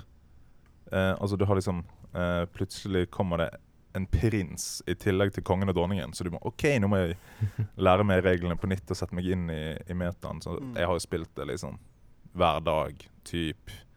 For mye. Eh, men begynner å, å bli oppe i eh, bra rank. 7000 for de andre som er kjent med det. Um, altså, det er skikkelig gøy, og det Ja. Jeg har tendenser til mani når det kommer til sånne ting. Eh, men det er stort sett eh, Det er også selvfølgelig Final Fantasy remaken, nå, men den kommer vi til seinere. Ja, Mm. den, kom, den kan vi egentlig bare ta nå, eh, for å si det sånn. Eh, For hvis alle har tatt alt det andre, så må vi jo ta, ta det. Mm. Så la oss snakke om Final Fantasy 7 Remake-demo eh, på PlayStation 4. Eh, den er jo da ute. Den har vi spilt alle tre. Um, Mm. Og um, ja, hva, hvem har lyst til å begynne? Uh, Mats Jakob, har du lyst til å begynne å snakke litt om hva du syns? Ja. Eh, eh, altså, for det første så syns jeg det er Det lover, som vi har snakket om før, det lover veldig godt. Mm -hmm. eh, for, kan jeg begynne med det negative, da? Eh, Ja. For det er jo ikke Jeg syns ikke det er bare positivt. Det er veldig positivt, men det er ikke bare positivt. Uh, og jeg er jo på ingen måte noe Final Fantasy-fanboy. Men jeg liker Final Fantasy 7. Det er et spill, nostalgisk spill for meg. Um, så det er jo um, Det er mye warm, fuzzy feelings å spille det spillet. Uh, det Jeg likte ikke Altså, jeg skulle heller hatt et tradisjonelt RPG enn det kampsystemet som er. Er ikke spesielt glad i sånn, sånne actionspill. Egentlig litt sånn det, altså, jeg, jeg har jo spilt veldig lite sånne spill, men jeg begynner med en gang å tenke på liksom Devil May Cry og eh, typ ikke, det, ble, det er jo ikke Sekiro og det er jo ikke FromSoft, men, men litt sånn tredjepersons actionspill, da. Mm. Uh, jeg liker mye bedre den tida til å tenke og Altså Final Fantasy Battle-systemet så er det jo litt sånn Du har ikke all verdens tid til å tenke, men, men du har litt mer tid. Eh, så jeg følte at det ble mer mashing enn liksom strategi. Iallfall på den korte tida du får spille på demoen, da. Mm. Firkant, firkant, firkant. Eh, ja. Ja det, ja, det var litt sånn Og det tok litt tid før jeg på en måte kom meg inn i denne her byttet mellom karakterene og sånne ting. Og jeg følte at periodevis så drev jeg bare og heala og heala og heala og heala. Fordi at Og jeg merker at det er fordi jeg gjør noe galt. Det er ikke fordi at det, det er vanskelig eller det er meninga at du skal bruke opp 15 potions på den bossen, men, men at jeg, jeg liksom Det er noe jeg gjør feil, og det er sikkert litt fordi jeg ikke er så vant til det, men Mm. men jeg skulle heller hatt eh, alt her, muligheten til å velge Ja. eh, tradisjonell eh, eh, battle system, da. Men, eh, og det kan hende Det er jeg hørte et rykte om at det kommer, men det var iallfall ikke til stede i demoen, så vidt jeg kunne se. Ingar? Eh, du- ville du pitche inn på akkurat det siste der, Martin, eller? Jeg skulle bare si at uh, samme opplevelse har jeg òg, at jeg uh, trykker på X. uh, men da pauser jo alt sammen og hakker, så jeg fikk en litt sånn hakkete opplevelse av det. Um, Ja. Men go on, Ingar. Um, jeg tenkte jo på at um, en del av den button-mashinga um, Jeg er jo litt i den andre enden. Jeg syns jo egentlig at det nye kampsystemet fungerte veldig greit. Fordi det er jo en slags kombinasjon av et mer action-RPG-system som man er vant til fra særlig f.eks. Tales-serien, men som Mm. samtidig til en viss grad ivaretar Active Time Battle-systemet fra det originale Final Fantasy 7. Uh, Mm. Da først og fremst med at det, de liksom vanlige fysiske angrepene til da f.eks. Cloud uh, da, da holder du bare inne angrepsknappen, og det er veldig greit at du slipper på en måte trykke den igjen og igjen. og igjen og igjen Du kan egentlig bare holde den inne, og så vil han ta vanlige slag, vil han da gjøre så lenge du holder den inne. Eller du kan blokke. eh, og så når da Active Time Battle-meteret er fylt opp, så kan du gå over til å bruke mer på en måte andre angrep igjen. Eh, Mm. Som f.eks. da at du kan bruke magi eh, via materiasystemet, som vi ikke fikk se noe av nå, men det kommer sikkert senere. Um, ja, magi, items, eh, mer på en måte sånne spesifikke ting kan du da gå få mer tak i når det meteret blir fylt opp. Um, Det kan bli tydeligere når på en måte det meteret og sånt er klart til bruk. og sånt, altså At du kan kunne fått mer sånn bling, sånn som du gjerne fikk i det Mm. gamle gamle klassiske spillet. Men sånn, bortsett fra det, så syns jeg egentlig at uh, systemet virker lovende. Uh, og det er veldig kult og flashy å se på, og det har mer tyngde enn Final Fantasy 15 hadde, som ble veldig generisk. Mm. Mats Jakob? Eh, ja, altså, det er ikke Jeg syns ikke det er dårlig. Jeg bare jeg er ikke fan. Mm. Altså, så det bare for å spesifisere det, da. Uh, og jeg fikk eh, ikke med meg at Eller sånn, jeg følte òg at eh, Nå høres jeg veldig negativ ut her. Jeg er egentlig veldig positiv, bare sånn at eh, alle vet det. Men eh, Det var veldig mye eh, Eller jeg blir, så, jeg blir irritert når på en måte det er sånn derre eh, Ting som er veldig innlysende, skal pause, pau, spille pause for å gi meg en tekst for å forklare. Uh, når det er sånn Trykk på denne knappen for å angripe, og så er det liksom masse tekst, og det stopper, og du må liksom Ja, jeg er ferdig med å lese, og så er du tilbake igjen. Når det er sånne der ting som Ting som lett hadde blitt erfaringsbasert. da Å ja, jeg må trykke på denne knappen. Ja, selvfølgelig, du bør jo bli informert om hvilke knapper som er angrep, men du kan liksom også lære det. Eller sånn Der jeg ble mest irritert, hvor det var sånn der eh, Du kommer inn i en sånn der eh, togstasjon Når du kommer inn på togstasjonen-greia, og du skal gjennom denne her billettgreia, Mm. sånn der som du blir på billetten i, og så går du gjennom, så blir du stoppa for å fortalt at Ja, det er bare å gå på den, så hopper han over automatisk. Mm. Så sånn, og her er denne pila som viser hvor du kan gjøre det. Så en svær pil i bakken. Og du trenger ikke gjøre noe annet enn å bare gå, og så hopper den automatisk over denne her, dette hinderet. Og så ble jeg liksom stoppa og fikk en lang tekst som forklarte dette. Og da ble jeg sånn herre Eller jeg, ble, jeg generelt har lite til overs for sånne ting. da Sånn handholding, som vi har snakka om før. Mm. Um, eh, men eh, ja. Så det, det, det er egentlig de negativene jeg har. Ja. Men Uh, eh, siden vi er liksom i det negative hjørnet Det hørtes litt feil ut å si Ja, det, men uh, eh, eh, har du noe på det området, Martin? Noen negativer som du vil ta i, fra demoen? Um, det var Ja, det var jo litt sånn eh, hakkete opplevelse, litt med alle disse beskjedene, og at jeg trykker X eh, hele tiden i combat og sånne ting. Men det er jo bare sånn man blir vant til. Jeg regner med at uh, mm, når mm. spillet kommer ut, så kommer jeg til å bli vant til, uh, til combaten og alt sånn. Um, Jeg har òg veldig positiv opplevelse av det. Jeg har jo ikke spilt uh, Final Fantasy 7 eh, vanlig, faktisk. Um, Men det var litt morsomt. eh, jeg hadde jo på hard og fikk til um, bossfighten, men jeg var jo han um, Baltier, er det det han heter? Um, du tenker på Barrett? Barrett, ja. Mm. Eh, Mm. no, Barrett. Jeg var Barrett fordi han hadde jo Jeg vet ikke om det er spoiler å si eh, at uh, den bossen er weak mot Thunder. Mm. I hvert fall. Men så fant jeg jo det utover han. Men Cloud døde. Så når vi skal Mm. liksom eh, gå bort fra bossen, så har han bare én HP. Og så døde jeg av en sånn bitte liten mobb sitt auto-attack, liksom. Og så kommer det opp sånn derre eh, Game over. Continue from eh, last fight. Så jeg bare Nei, må jeg ta bossen på nytt nå, liksom? Uh, men så heldigvis så fikk jeg fortsette fra etter bossen, da. Men Ja, eh, det var bra, det. da. Ja. jeg må jo bare si Ja. Eh, Hvis vi kan begynne på det positive, men hvis dere har andre ting, så kan vi ta det først. Ja, jeg tenkte jeg kunne ta et par av mine minuser først. Um, Mm. For det første um, så syns jeg det var litt synd å ikke få japansk stemme på Ja, helt enig. denne demoen. Helt Eh, enig. det Jeg- håper jeg prøvde virkelig at det håper jeg virkelig at den endelige versjonen får. Det har Square Enix vært flinke på i det siste, så jeg tror Mm. og håper at vi får japansk voice acting. Uh, men det blir jo spennende å se. Men siden du snakket om Barrett, så er jo han en litt sånn Dette blir jo litt sånn spennende å se hvordan den rollefiguren blir nå i dag. Fordi uh, Final Fantasy 7 kom ut i 1997, uh, og Barrett er en Han er jo en afroamerikansk eh, rollefigur, sånn som japanere ser for seg afroamerikanere. Og japaneres bilder av eh, afroamerikanere på den altså i anno 90-tallet er ikke sånn veldig positivt.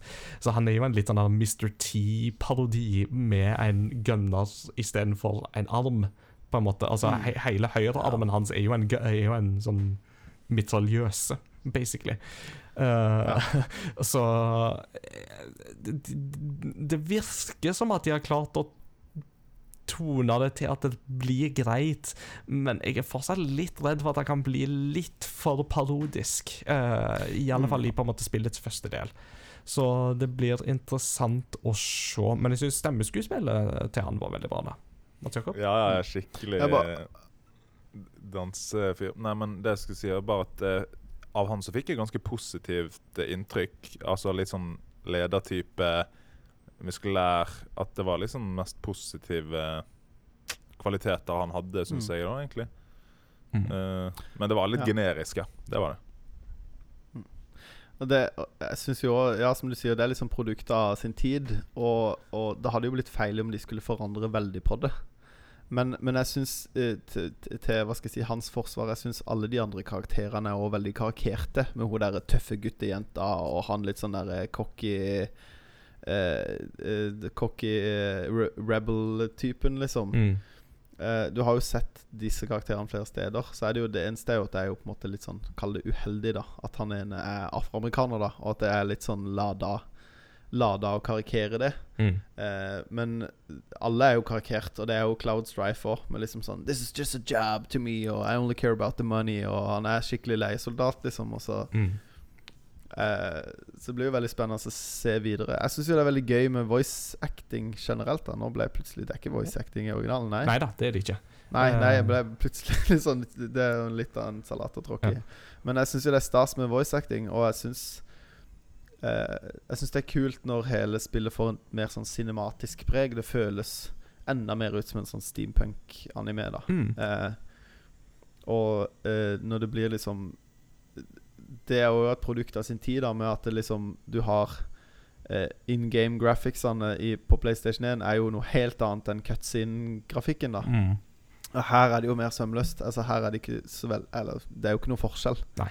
Iallfall ikke på hvordan de ser ut. Det er kanskje noe med oppløsning og ditten og datten, men Men det er ikke noe uh, visuell forskjell på de da. Mm.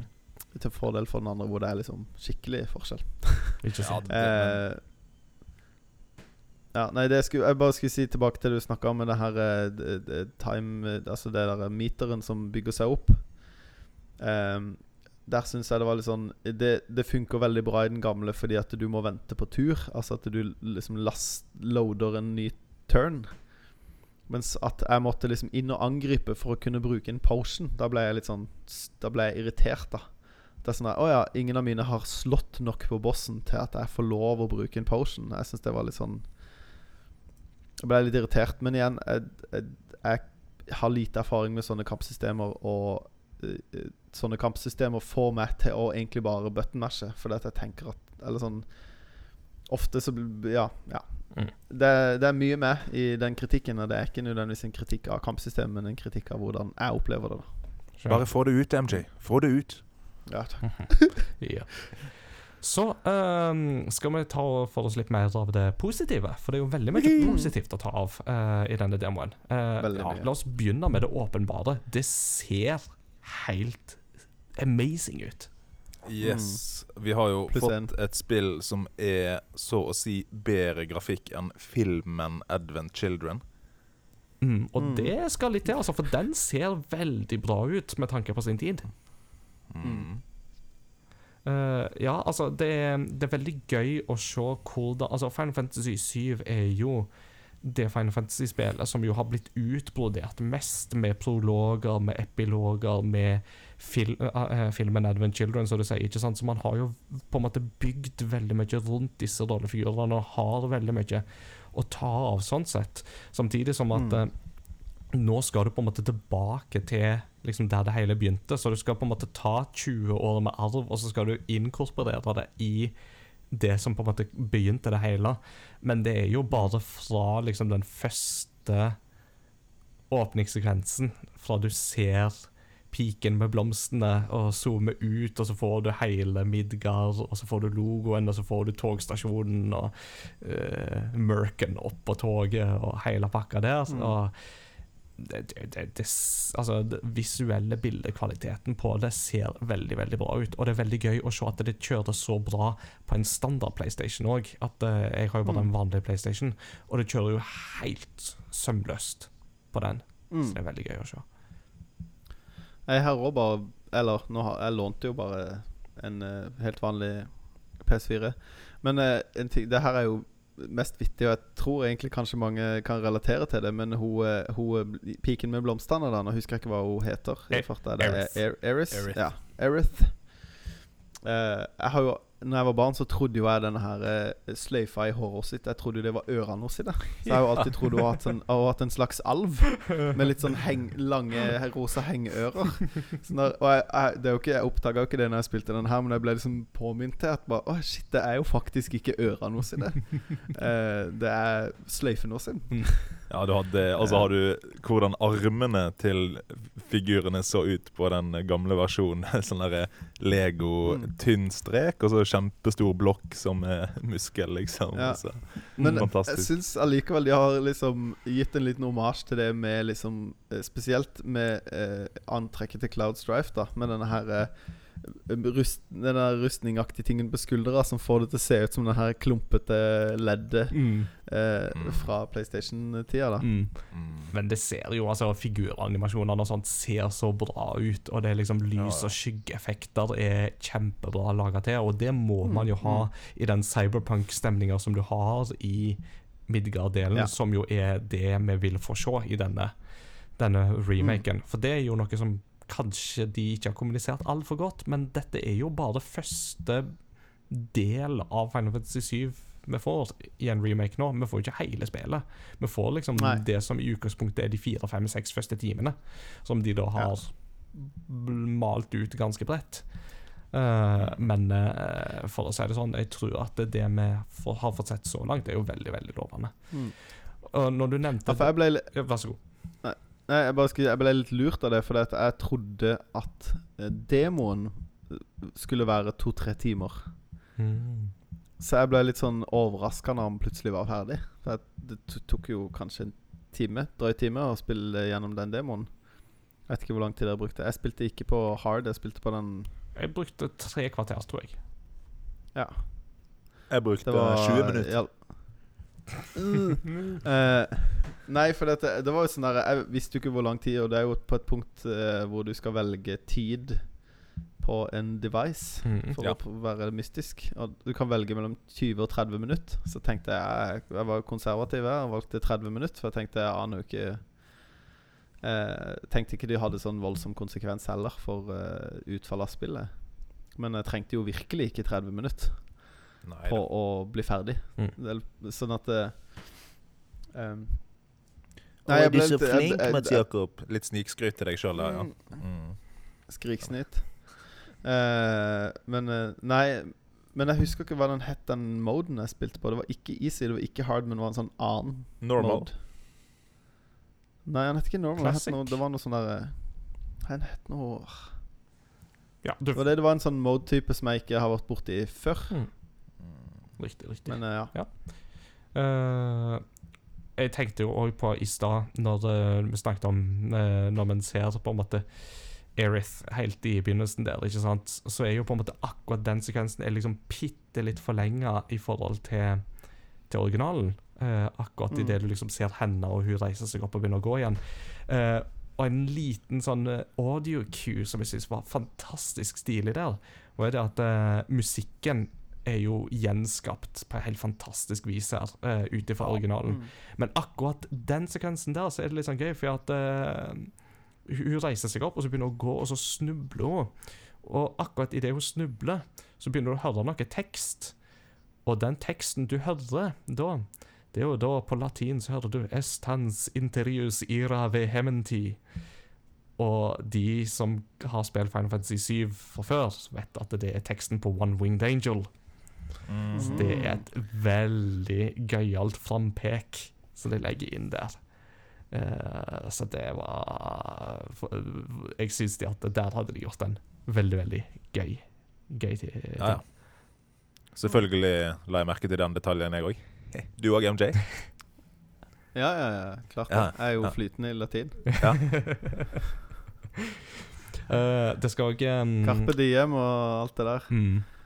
Jeg tenkte òg på en annen ting også, som jeg ville trekke fram som en veldig positiv ting. er at eh, Det er veldig lett Altså det er veldig gøy å se hvordan de har klart å legge sammen alle disse omgivelsene eh, til en sånn helhet, nå når du på en måte manøvrerer deg gjennom det. Um, I originalen så er det jo veldig sånn på en måte mm, prerendra bakgrunner og sånt, så du beveger deg på en måte fra gjennom og gjennom og sånt. Mens Mm. her så er jo på alt lagt sammen til en sømløs enhet. Men det er fortsatt mulig å kjenne seg igjen hvis du har spilt Mm. originalen. Og Mm. liksom Mm. husker den veldig godt. Så det er mange av disse lokasjonene som du kjenner igjen, og det er veldig stilig, altså. Mhm. Ja, det var veldig kul Mm. immersion. Og bare når du starter spillet, og opening theme kommer Det var frysninger ned armen der, altså. Mm. Det- Uematsu. På sitt beste. Altså det Final Fantasy 7-soundtracket har så mye bra tunes, og alle de som vi fikk liksom høre av Vi fikk jo høre fra Opening Bombing Mission, vi får høre fra Mako Reactor, vi får høre fra uh, Dose of Fight og Dose of Fight Further. Uh, og alle de har fått utrolig stilige uh, nyinnspillinger som er veldig, veldig gøye. Så jeg bare satt jo bare Satt med headsetet på mens jeg gama det, og bare sånn Åh, dette er så bra! Yes. Så nå er jeg veldig hyped på, på, på å få hele pakken, altså. Ja, Mm. vet du, er liksom det første som kommer, er det disk 1? Det som var disk 1 på PlayStation? Det er ikke det engang. Altså, Disk 1 uh, gikk mye lenger enn det vi Ja. vil få i remaken nå. Uh, Ja. Første så- episode av remaken.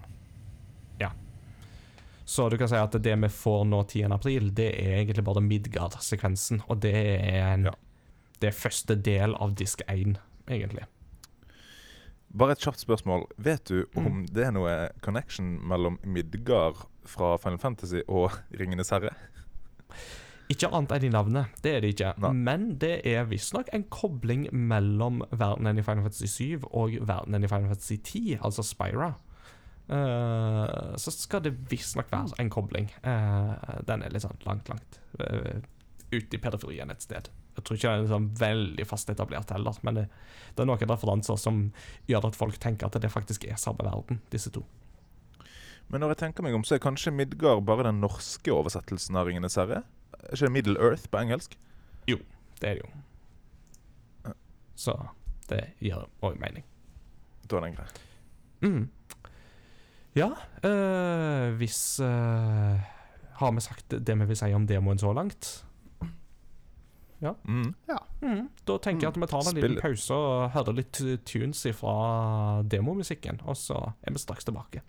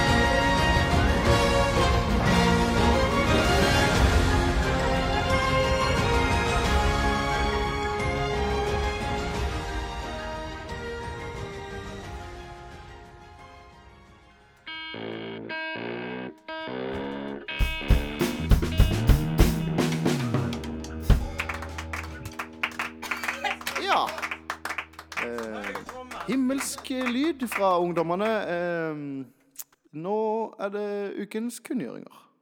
Med det så er vi tilbake fra en liten pause, og kunngjøringsbiten, ja. Eh, hva skal vi si? Alt er utsatt. Eh, alt er kansellert, alt er avlyst. Verden går stadig mer og mer i lockdown. Eh, og det gjelder jo spillbransjen òg. Først så kom nyheten om at The Gathering, uh, datatreffet i Vikingskipet i Hamar ble avlyst i år, men eh, det tok ikke lang tid før det ble overskygget av at selveste E3-messen er kansellert for Mm. 2020. Så det er mm, store ringvirkninger og konsekvenser dette får, og det blir jo spennende å se hvordan spillbransjen vil eh, prøve å håndtere dette. Men spillbransjen vil nok i langt eh, Altså i ganske stor grad så vil de nok gå for digitale løsninger med annonseringer og det hele, så det skal Mm. nok gå bra. Eh, Xbox har allerede Nei, Microsoft har allerede lova noe eh, type sånn sendinger på, på nett, så Hmm. Ja, det er kjipt med koronaviruset. Jeg er bare glad jeg ikke får tuborgkulose. Det er jokes on it. Ja, ja, ja, Leverandør av dårlige vitser siden Christian er borte. Er det, er, det, er det nå jeg skal supplere med å synge If you don't want the corona Yes. Den legger vi på i bakgrunnen. Ja. Nei, men Det blir jo spennende å se hvor mange spill som blir utsatt. Mm. Yes, Og ikke minst My Corona blir har jeg um, òg uh, sesongen på. Og ikke minst blir PlayStation 5 utsatt, og så videre. Ja, det òg er jo Utsettelser kan definitivt uh, bli aktuelt her, så Altså- det blir veldig spennende å se. Alt som skal Altså blir eller skal bli produsert i Kina, blir jo utsatt. Og disse maskinene Mm. blir jo lagd i Kina. Og Kina Mm. har jo vært i lockdown i et par måneder allerede. Iallfall en måneds tid. Ja. Sånn at det Ja. Jeg tror det ja, blir crunch på fabrikkene i Kina for å få ut til disse her eh, maskinene. Mm. Men Kina er på vei tilbake igjen nå, da. Mm. Eh, Det, til en viss grad iallfall. Så det blir eh, interessant å følge med på framover. Apropos kan Jeg må bare dele noe som jeg syns var fascinerende. Jeg hadde en kollega som eh, kom og fortalte om Og viste utdrag fra en bok som en kollega av hos sin mann hadde vist henne. Men jeg fikk se utdragene, så det fikk de jo first hand. Men det er en bok som ble gitt ut i 1981. Jeg husker ikke tittelen. Men for når eh, han mannen eh, som Kollegaen til mannen til min kollega begynte å liksom Han begynte å liksom Alt dette her med koronaviruset hørtes så kjent ut. Så fant han fram den boka her fra 1981, som snakker om eh, at i år 2020 Altså, det er en Dette dette er, en, eh, dette er fiksjon. Altså, det er en roman. Det er ikke en pinsekarismatisk profetbok om Eh, eh, noe sånt? Ikke så vidt jeg vet, men jeg tror ikke det. Poenget var at det, det, her er ganske festlig, for det, der står det om at i 2020 så, skal det, så kommer det et virus som blir som en epidemi i i greia. Og den, I boka så står det at viruset kommer fra Wuhan i Kina og har navnet Wuhan 400. Eh, og det som hun, eh, kollegaen min hadde frika ut over, er jo at denne boka kommer jo der med videre spådommer om dette viruset. Om at det, vi kommer til å bekjempe det, men at det kommer til å komme tilbake om ti år. Og liksom Men eh, bare det at det liksom Hva er oddsen for at noen skriver en bok da? Og, og det blir- som Nosferatu-opplegg. Jeg syns bare det var litt festlig. Jeg blir jo ikke skremt av sånt, men eh, det er veldig interessant. du, du vet at hvis du stokker om bokstavene i korona, så får du raccoon. Ja. Så det er jo Raccoon City og Resident Evil 2. Oh yes. Jeg ser jo for meg at det kommer en bølge av sånn epidemispill og filmer eh, eh, etter det her, da. Men det er aldri feil med litt mer Last of Us-stemning, så bring it on. Mm. Ja. Nei, vi får håpe at uh, ting uh, får en snarlig løsning, så at det går bedre. Um, men eh, vi skal ha bitte litt andre nyheter. Du nevnte jo The Last of Us, og det passer jo bra, for The Last of Us får jo en HBO-TV-serie. Åh, Det gleder vi oss til. Av uh, produsenten bak Tsjernobyl, uh, ingen ringere, så det blir bra. Bring it on. Det blir veldig gøy. Ehm, PlayStation, uh, det vil si ikke PlayStation 1, men Nintendo PlayStation, den som vi snakket om, uh, eller prototypen til Nintendo PlayStation, har jo nå blitt solgt. Det, det var jo en kar som eh, fant denne på loftet. Han hadde jo kjøpt det fra et sånt overskuddslager fra en bedrift og noe sånt. Mm. Og han har jo reist litt rundt i verden og vist den fram, og så skulle han auksjonere den ut. Han har da fått 360 000 dollar for den. I fjor fikk han et bud på 1,1 millioner, så mm, Sånn kan det gå. Men eh, han som har kjøpt den, sier at han skal stille den ut i et museum. Så Ja. det er en Indiana Jones-type sjel som har kjøpt den, rett og slett. Nydelig. Mm. Mm. Så det er bra. Uh, videre så har da Reggie Fils-Aimé har fått seg en ny jobb. Han uh, var, gikk jo hadde jo Nintendo of America-styringa i ganske mange år, og så pensjonerte han Eller sånn semipensjonerte han seg. Eh, Men uh, nå skal han da begynne å jobbe for GameStop. Mm. Det er litt Kult. interessant. Uh, for Altså, GameStop jo går jo ikke så bra for tida. Så det blir jo spennende å se om han klarer å snu trenden der og berge GameStop, eller hvordan det blir. Nei, altså jeg skulle bare si at Det var jo selveste Bowser som uh, defeatet han Overtok han i Nintendo, da. Så Mm. Det er sant. jeg ser den. Det er sant. Men- Doug Bowser, som han uh, heter. Nye sjefen. Mm. Ja, eh, ja jeg, jeg syns jo alt det her med GameStop er ufattelig fascinerende. Åssen For han som er CEO i GameStop nå, han, han hadde jo ikke noe erfaring med spillbransjen i det hele tatt før han begynte der. Han hadde drevet med bildeler. Og Oh. hadde liksom redda flere bildelsbedrifter fra liksom konk. Så han er litt sånn der eh, Tom Nordli i bildelsbedriftsbransjen. Kommer og liksom redder, eh, redder. Men eh, altså Hva skal jeg si? Hvis jeg kunne på en måte han, Hvis jeg kunne satt opp en topp ti-liste over hvem som kunne være med og bidra bra, så er jo han Så er jo Reggie på den lista. Han har jo Absolutt. absolutt, mye å komme med. Mm. Men uh, ja. Jeg har jo vanskelig for å tro at GameStop kommer tilbake til Norge igjen, f.eks. Uansett hvordan, Mm. om de klarer å redde dette her fra total eh, kollaps. Det er sant. Så det er vanskelig for å tro det. Og det her virusgreiene hjelper jo iallfall ikke at folk potensielt skal slutte å gå i butikken og kjøpe spill. Da kjøper de jo i alle fall digitalt. Ikke sant. Ikke Det hjelper ikke. Jeg ser egentlig for meg at alle som selger fysiske medietjenester, eh, må legge ned, fordi alt blir jo digitalt. Mm. Men jeg Ja, håper jo det holder seg i live. Mm, vi får se. vi får se. Jeg er jo en ø, fysisk samler, uh, men vi kan ta den diskusjonen en annen gang, tenker Ja, jeg. Ja. Mm. Uh, siste lille nyhetssak som jeg bare ville Eller kunngjøring som jeg ville nevne, var at det, i helga som var, så kom det en eh, rapport fra American Psychological Association, som da er USAs største fagorganisasjon for psykologer. Og de rapporterer ganske klinkende klart og tydelig at det er ingen sammenheng mellom voldsutøvelse i det virkelige liv og dataspilling. Eh, Tvert imot så sier de at eh, det å skylde på dataspill kan forårsake at eh, de faktiske issues bak voldsutøvelse ikke blir tatt tak i. F.eks.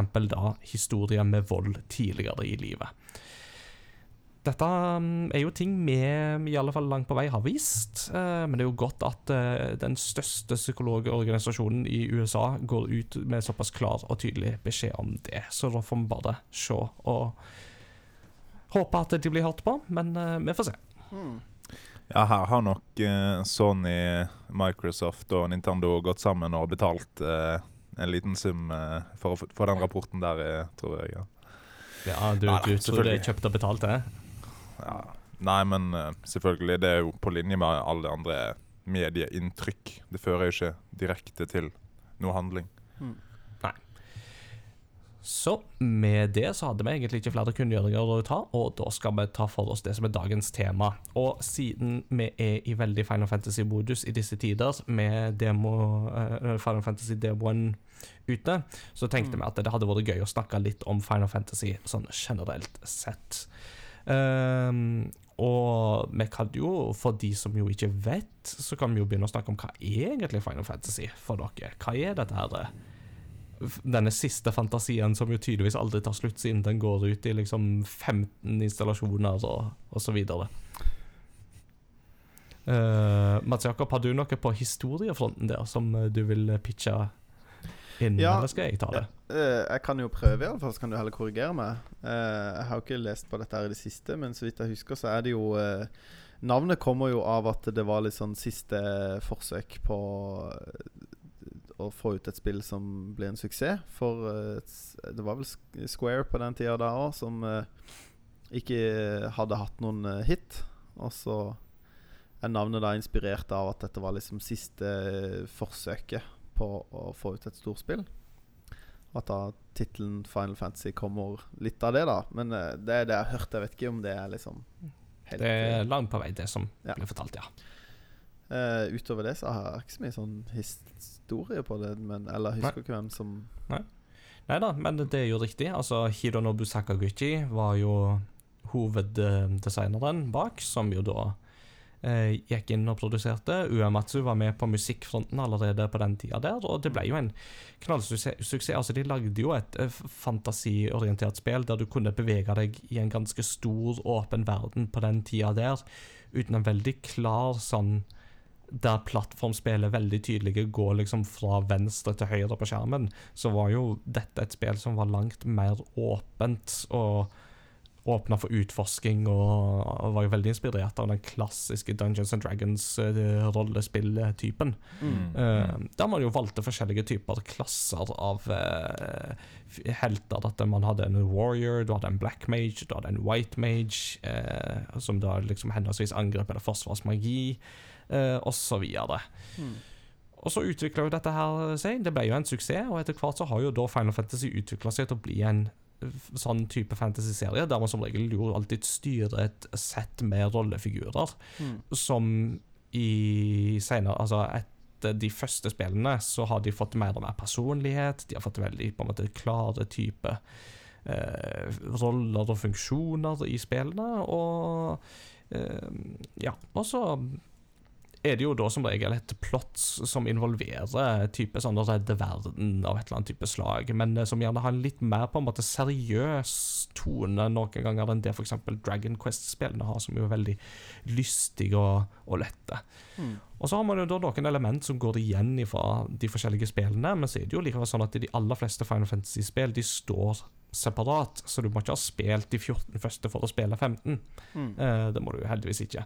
Men det er jo en del elementer som går igjen. Uh, F.eks. navnene på type items og magi og myntenhet og sånt går jo igjen. Uh, du har disse her gule fuglene som de rir på, disse chocobos. Uh, Chocobo. Er jo sånne type, chocobo er jo sånn type dyr som går igjen, og chocobos theme er jo alltid med i alle Final Fantasy-spill, men de lager alltid en ny De tolker det alltid på en ny måte innenfor en ny sjanger med ny instrument. Uh, du har alltid en rollefigur som heter Sid, som er med, som er alltid opptatt av flymaskiner og flyfarkoster. Eh, og så, ja, og så har du en del sånne element som går igjen, samtidig som at de prøver alltid på noe nytt for hvert hovedspill i Final Fantasy-serien. Så det er alltid en veldig sånn De pusher alltid på en måte litt sånn grensene for hva vil på en måte være på en måte rollespillenes framtid. Eh, og ofte så har jo faktisk Final Fantasy klart å sette standarden for hva som skal være de japanske rollespillenes standard på mange måter. Sånn som Mm. Final Fantasy 7 for eksempel gjorde, som jo ble en kultklassiker. Mm. Mm. Nå, eh, jeg vet ikke Dragon Quest kom det før Final Fantasy? Det var dette vi prøvde å finne ut av, men jeg tror faktisk at Dragon Quest var året før Final Fantasy. Jeg tror Dragon Quest kom i 1986, og så kom Final Fantasy i 1987. Ja. At Final Fantasy kom i 87, vet jeg, for jeg er 87-modell, så vi har samme året. Ja. Så den er grei. Nei, for det, det, det er jo litt sånn der eh, Det som er fascinerende med sånne tidlige spill sånn som det, er jo Nå husker jeg jo ikke uansett om det er Dragon Quest eller om det er Final Fantasy, så er det jo litt sånn eh, Med mange av disse her eh, um, tingene som er liksom staples i sjangeren, da, med, med liksom at eh, At du Hvor du kan save, at ikke du kan save in dungeon, og med, at du må ha eh, eksempel, du kan kjøpe telt eh, for å, å overnatte, da får du full helse på alle karakterene. Og eh, du, som du sa, mange av disse eh, tingene som navnene som går igjen, at eh, Phoenix Down er jo, eh, er jo itemen som reviver karakterer og Mm. eh, masse sånne ting. Og har dere noen av dere spilt det første Final Fantasy? Ja, det har det. Det, Mm, mm. det er jo ganske tungrodd Mm. i, nå i dag. Eh, og det, det er veldig gøy å se hvor ting kommer fra, men det er jo et veldig tungt spill å spille i dag.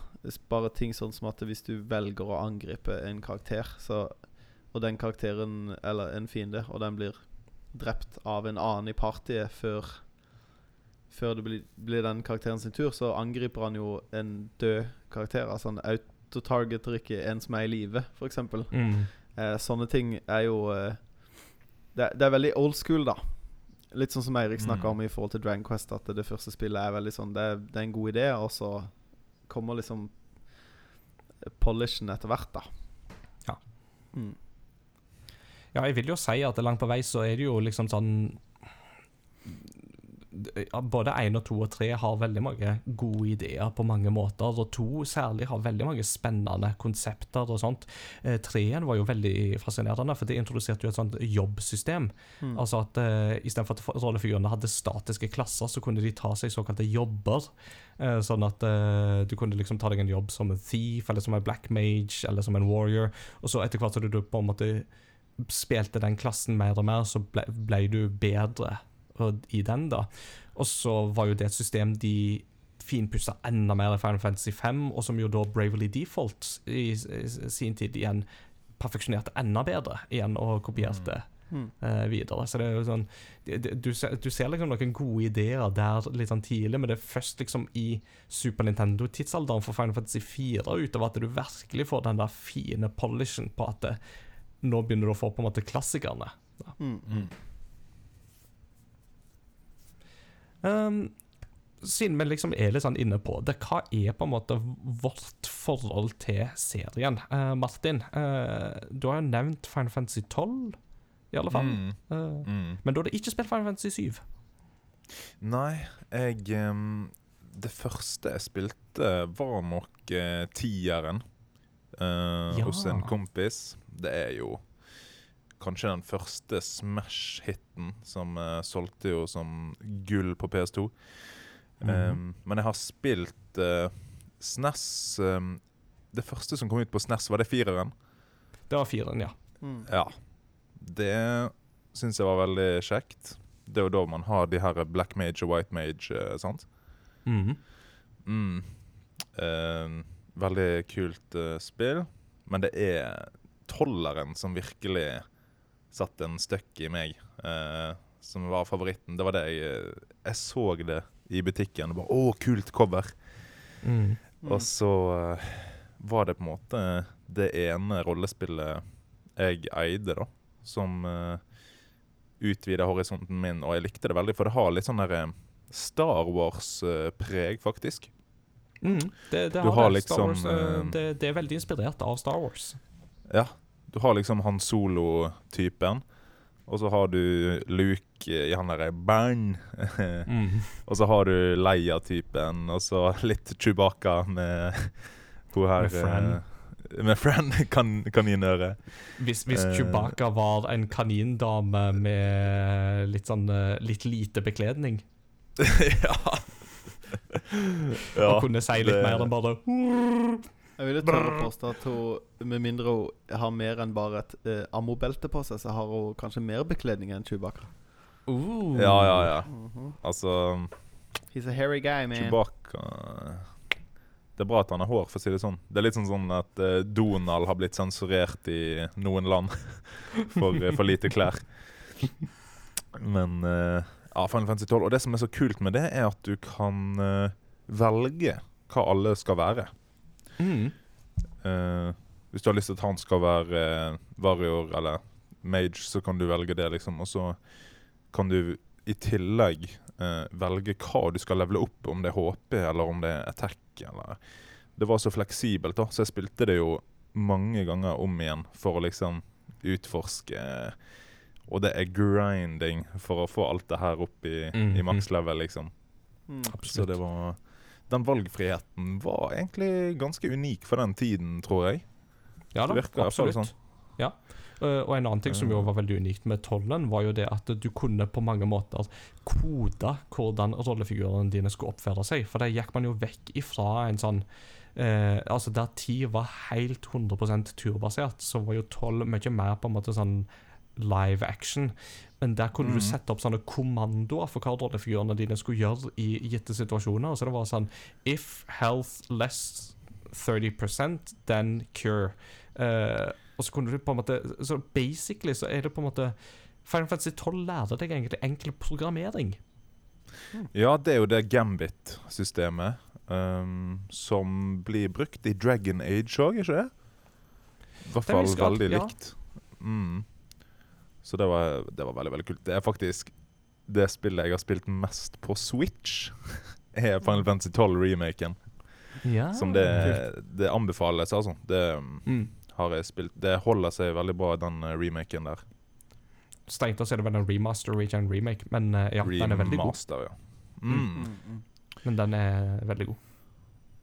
Og så har jeg eh, Jeg ga jo Rest in peace Christian, holdt jeg på å si. Uh, Final Fantasy 13 til uh, bursdag, og Christian var jo så snill at han sa 'Å, tusen takk, Martin. eh, du, dere er så snille'. Men han sa ikke at han hadde spilt det før. Så jeg var litt sånn der 'Oi, la oss spille det sammen, da'. Og han bare 'Ja, så gøy'. Og så måtte han late som han ikke hadde spilt det. Og så var det litt sånn Men det var Altså, Final Fantasy 13 hadde veldig fin grafikk for sin tid. Mhm. Mhm. Og det var ganske gøy, men litt generiske karakterer. Mm. Men um, ja, du altså, har jo spilt alle de, virker det som. Ja, altså 13 Jeg husker jo veldig godt da de annonserte 13 for første gang, og det var jo Grafikken der var helt sinnssyk, det, det vi fikk se da første gang. Og da jeg fikk liksom sette meg ned med det sjøl òg, i 2010, da det kom ut, så var det jo Grafikken var heseblesende imponerende, og det er veldig flashy i liksom Da, da er det liksom veldig sånn flashy animasjoner på ting og sånt, så uh, Men problemet i 13 er jo det at historien er veldig rotete fortalt, og rollefigurene er veldig En del av de er veldig generiske og kjipe. Halvparten av de er veldig kule. Jeg syns jo Lightning som hovedperson egentlig er veldig kul. Um, Men uh, Og et par av disse andre rolle, rollefigurene der òg er veldig stilige, men det er veldig rotete fortalt historie, og så er det jo sånn at de 20 første timene av det spillet er basically en lang tutorial som er i en veldig lang korridor. Så det er veldig lite fri utforsking i det spillet. Uh, og så prøvde de å liksom bygge på med en 13.2 og en 13.3, men uh, de klarte liksom aldri helt å lande den der 13-sagaen så veldig bra. Og det er veldig synd, for igjen, potensialet var veldig, veldig lovende, men uh, 13 Uh, og liksom hele liksom PlayStation 3-æraen var nok en tid der Final Fantasy var kanskje i sin største identitetskrise. Mm. Ja, og ikke minst første eh, forsøket på 14. Ja, for det òg var jo en eh, greie. ikke sant? Altså Final Fantasy 14 var jo et spill som jo var online, og som de ga ut, og som jo der ting rett og slett fungerte så dårlig og var så dårlig at eh, Square Enix faktisk måtte si at vet du hva, vi bygger opp alt på nytt igjen. Eh, og det i seg selv er jo veldig respektabelt at de faktisk valgte å gjøre. Uh, at de var sånn Vet du hva, dette, vi må bare kjenne at dette funka ikke. Så de bygde opp spillet på nytt igjen. Og det jeg har jo skjønt, er jo at Final Fantasy 14 A Realm Reborn, som jo er det man får nå, er jo veldig, veldig bra. Ja. Akkurat der Jeg har veldig lite forhold til Final Fantasy 14, men uh, eh, jeg syns i utgangspunktet Final Fantasy er en veldig bra tittel på en spillserie. Og det visste de jo ikke når de lagde det, men jeg syns jo at det, det er jo det, det er jo en tittel som er åpner for alt mulig rart. Og det har de jo vist, at de har alle mulige situasjoner og verdener og karakterer og alt mulig. Men eh, eh, jeg syns de igjen gjorde det veldig Jeg syns Around Reborn er en veldig god tittel. Både, Mm. fordi, både fordi det er en veldig bra fantasy-tittel, men også Mm. for hva det representerer. da Ja, det er eh, kjempebra. Jeg hadde på en måte Det var Bare det fikk vekka min interesse for det spillet. da Mm. Og jeg har jo jeg har ikke spilt det sjøl. Det er jo online-titlene 11 og 14 er liksom de eneste i hovedserien jeg ikke har spilt. Men kona mi spiller jo Final Fantasy 14 så å si hver dag uh, med sine venner. Og det er, så jeg får liksom observert det veldig og synes det er veldig fascinerende. Og så er det litt sånn gøy, for at av og til så ser jeg at hun slåss imot monstre og gjerne bosser og sånt, og noe som jo er henta fra de gamle spillene i serien. Noen ganger så har du jo slåss mot på en måte siste bossen Du har eksempel slåss mot siste bossen fra Final Fantasy 3, eh, Cloud of Darkness. Og jeg bare Mm. sånn Å, det er jo Cloud of Darkness, jeg kjenner deg igjen. Og så får jeg liksom høre på liksom nye musikken, hvordan de har tolka den musikken ifra, eh, til den bossen. Da, og så bare sånn «Å, Kule greier. Og det er litt sånn jeg syns det er kult fordi at jeg kjenner igjen referansene og syns det er gøy å se det bli tolka på nytt, mens hun opplever jo det på mange måter for første gang, og syns det er veldig kult likevel ut ifra det. mm. Mm. Ja, det virker som at det er veldig bra nå, og kanskje det største MMO-et nå. Kanskje etter World of Warcraft, da. Men uh. Ja, jeg tror det er riktig, altså. Uh, uh, men så nevnte du jo òg I spillerbase eller i scope? Jeg tror det er spillerbase vi tenker, da. ellers mm. I alle fall med tanke på sånne så, um, altså, Det holder jo fortsatt på betalingssystemet. Um, Mm. Den klassiske altså månedsabonnement. Uh, og til å være et sånt spill, så er visst Final Fantasy 14 veldig, veldig stort. Ja, kult. skjønt. Jeg glemte jo å nevne at jeg har spilt mye Final Fantasy Crystal Chronicles òg, da. Men Ja, jeg vet ikke om vi skal ta var- noe Skal vi ta det kronologisk, eller? Nei, nei, bare ta, ta det, for det er jo ditt forhold til Final Fantasy vi snakker om nå, så Ja. Det var Det er ganske unikt. Litt sånn side side story-spill, men eh, veldig, veldig unikt. Og en av de bedre um, titlene til GameCube. mhm. Altså, det er litt morsomt fordi eh, fetteren min hadde det, og jeg fikk prøve det hos han. Og uetiske Martin slash desperate eh, var litt sånn der eh, Vi var på hyttetur, og han hadde det med. Og så plutselig kunne ikke vi finne spillet. Å nei! og så hadde uetiske Martin eh, eh, tatt med spillet hjem til Os, da. Og Oi, oi, oi. eh, begynte å spille det. Han hadde jo runda det, fetteren min, da. Men eh, eh, det var skikkelig gøy. Da har du òg ganske unikt kampsystem. Det som var veldig rart, var jo multiplayer-delen, der du måtte ha Gameboy Advance med kabel inn Mm, i GameCuben. og alle fire måtte ha hver sin. Yes. Bare hvorfor ikke bruke kontrollerne, liksom. Mm. Um, men det var skikkelig unikt. Og så likte jeg veldig designet på det, og litt at det hadde en, et snev av character creation. Det har vi jo ikke hatt i Final Fantasy utenom 14, nesten. Og også online-spillene. Mm. At du liksom lager din egen character. Um, det har alltid vært viktig for meg i spill, egentlig. Så jeg gleder meg veldig til det kommer på um, PlayStation 4 Og Switch og Ja. og Switch, ja. Mm. Um, veldig unikt spill, og det er vel ikke Uematsu som har musikken der, men den er veldig Nei. sånn uh, renessanseaktig og bruker sånne gamle fløyter og Mm.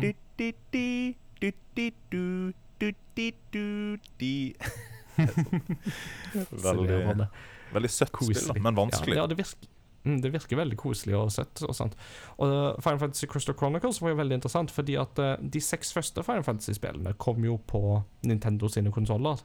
Men så gikk jo Square over til å lage de til PlayStation i stedet, med Final Fantasy 7, fordi CD-rommen ga veldig store muligheter for dem.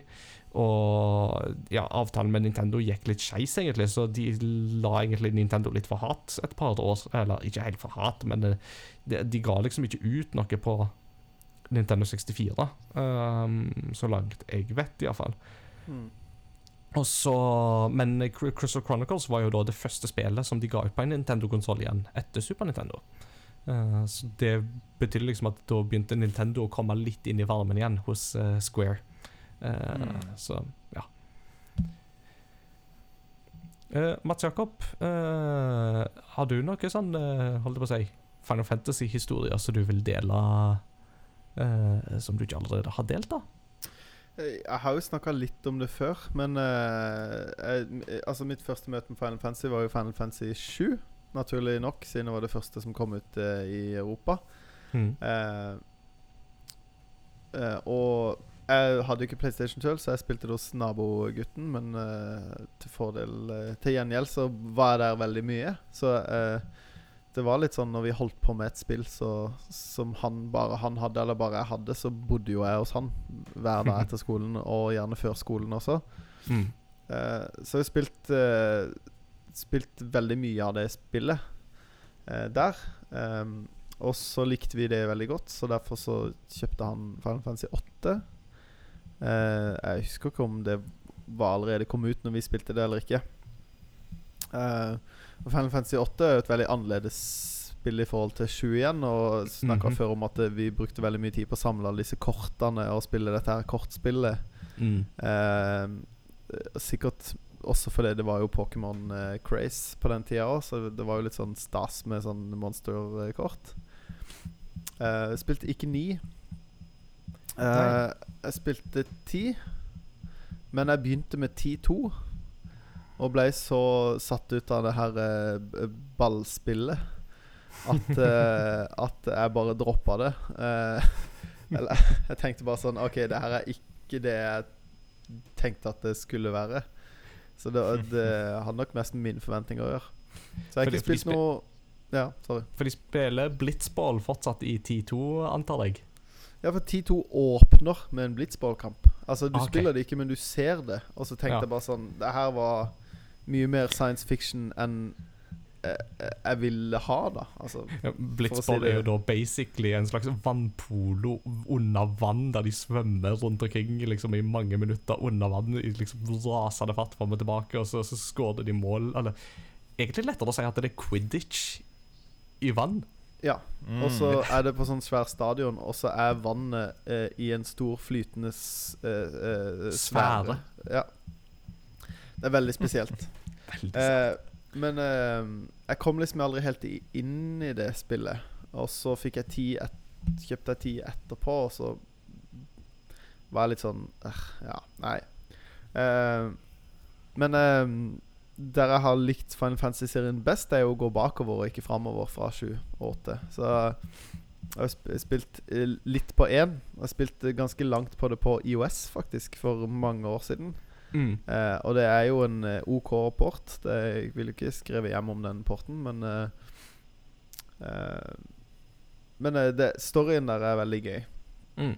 Og så har jeg jo spilt to og tre, eller fire og seks.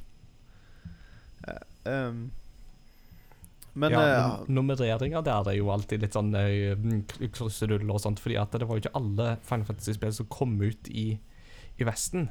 Eh, Så i Japan så hadde jo 1, 2, 3, 4, 5, 6, men uh, det var bare 1, 4 og 6 som ble lansert i USA. Så derfor så heter Final Fantasy 4 heter jo Final Fantasy 2 der, og Final Fantasy 6 heter jo Final Fantasy 3. Så, Og så kom de til Final Fantasy 7, som fikk en internasjonal lansering, og da bare kalte de det 7, og så ja, fikk de Ja. faktisk eh, litt system på det igjen.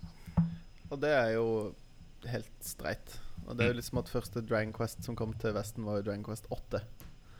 Og det, det, det virker jo litt sånn der eh, forvirrende, men eh, Men man bryr seg på en måte ikke. Det er jo spill som står for seg sjøl, som vi har snakka om før. Mm. Eh, det, er- det som er på en måte både bra og dårlig med Final Fantasy, eller rollespill generelt, er jo at de er veldig lange. Så det er ikke sånn der, 'Å, jeg liker den serien'. Jeg er beundringsverdig av Eirik som bare 'Å, jeg liker Dragon Quest, jeg skal spille alle'. Og så er det jo eh, det mangfoldige timer. Mm. Eh, så flere Final Fantasy-spill har jeg jo bare liksom kjent litt på. Jeg har ikke spilt igjennom og kan ikke gå i dybden på all story, liksom. Mm. Eh, men jeg, jeg liker Final Fantasy-serien. Jeg liker konseptet med en spillserie som er gjennomgående uten eh, Uten at det Du må ja Du må ikke ha spilt 1-14 for å kunne spille 15. Eh, Men mye av de samme tingene går igjen. Og, så jeg har veldig sans for det, da. Ja, eh, mitt eh, forhold til Final Fantasy er jo litt mer omfattende igjen, kanskje. På en, tør jeg vel påstå, for at der Eirik jo har hatt Dragon Quest og spilt gjennom hatt det som, som prosjekt, så har jo jeg hatt et prosjekt tidligere å spille gjennom alle Final Fantasy-spill. I alle fall i hovedserien. Så er det ikke alle spin-offs og sånt jeg nødvendigvis har brydd meg om. Men uh, Um, så jeg har jo spilt alt bortsett fra 11 og 14, for de er online, og jeg er ikke sånn veldig stor MMO-RPG-spiller. Mm. Um, jeg er litt redd for at det vil ta for mye tid, rett og slett, for å være helt ærlig. Um, men jeg, mitt første Final Fantasy som jeg faktisk spilte, det var av alle ting Final Fantasy 3 på DS. Uh, jeg fikk kjøpt meg en DS uh, på et tidspunkt, og så var det litt sånn og så tror jeg vi var på en tur. eh, en sånn type sånn skoletur eller noe sånt. Og så var det litt sånn OK, nå, nå kjeder jeg meg litt. men så var jeg i en butikk og så så jeg hm, Final Fantasy 3. Ja, hvorfor ikke? Så jeg plukka det opp, og så begynte jeg med det. For det fikk jo en DS-utgave. Det var vel første gang Final Fantasy 3 faktisk ble gitt ut her til lands, tror jeg. Mm. Um, det var en helt grei eh, opplevelse. Og så kjøpte jeg etter hvert Final Fantasy 10. Forelska meg veldig i det. Final Fantasy 12 likte jeg ikke så godt da jeg spilte det første gang, men jeg tror jeg ville likt det mye mer nå hvis jeg hadde spilt det nå. Det krever veldig høy IQ for å verdsette høyt. Rett og slett. Nei, det var, det var visse ting ved det spillet som ikke helt funka så godt for meg. Og det begynner jo ganske bra, men jeg syns ikke at siste halvdelen av det spillet er like god som første halvdel. Nei, det krever veldig høyt intellekt for å verdsette altså, det, det er helt lov å ikke like. Uh, ja. Nei, og så har jeg jo da etter hvert på en måte pløyd meg gjennom de forskjellige spillene i, i, i serien på forskjellige plattformer og sånt. da. Så uh, Mats Jakob nevnte jo um, at han hadde testa um, IOS-versjonen av det første, men jeg testa PlayStation Portable-portene av Final Fantasy 1 og 2, og de er ganske gode. Mm. Så de kan absolutt anbefales. Uh, men jeg må si jeg er veldig glad i Men mitt, min inngang til Final Fantasy var jo likevel musikken. Det var der det begynte Ja. for meg. For jeg ble jo introdusert for Final Fantasy-musikken før jeg rørte et Final Fantasy-spill. Og jeg ble så glad i den musikken at det var sånn Dette vil jeg oppleve, dette vil jeg forstå. Jeg vil forstå konteksten. For jeg Mm. skjønner at her er det veldig mye følelser og sånt eh, involvert. Så ja. Road to Xanarkand, eller? Ja, blant annet, men uh, faktisk så var det jo um, da for eksempel Dose of Fight Further fra Final Fantasy 7, det var Clash on the Big Bridge i fra Final Fantasy 5, uh, Fight with Seymour faktisk fra Final Fantasy 10, um, og Dancing Mad, ikke minst, fra Final Fantasy 6, som jo er et mesterverk av Uematsu. Det var kanskje noe av det mest imponerende han har komponert. Det er jo basically en op en dramatisk opera i fire sats, eller fire på en måte biter. Mm. Ja. Et sånn operatisk verk. Uematsu er virkelig um, Det virker som at han har gått litt sånn klassisk skole, hvis du tenker i forhold til Koji Kondo, altså som er mer sånn theme-messig. altså Uematsu er jo på sånn John Williams-nivå, og det er jo sånn fantastisk eh, Det er mer som, eh, det er som verker. Musikalske verker, liksom. Han, Ja. Han, han er jo sjøllært, faktisk. Men, eh, men, men det er som du sier, at det er den der bruken av ledemotiv, eksempel, han er jo veldig opptatt av dette med å ha på en måte et tema eh, eller instrument som er knytta til en spesifikk rollefigur, eksempel, og som går igjen, og som kan få forskjellige varianter og sånt underveis. Eh, veldig spennende ting han gjør der. Særlig i Final Fantasy 6 er det veldig mye spennende materiale han gjør, Mm, han gjør der. mm. Og som jeg jo nevnte òg, at um, Som jeg jo nevnte litt på, i demoen til Final Fantasy 7, så når de slenger inn latin i teksten der, så er jo det òg et frampek på noe som kommer inn imot sånn ledemotivsmessig seinere, med en av de andre rollefigurene. Mm.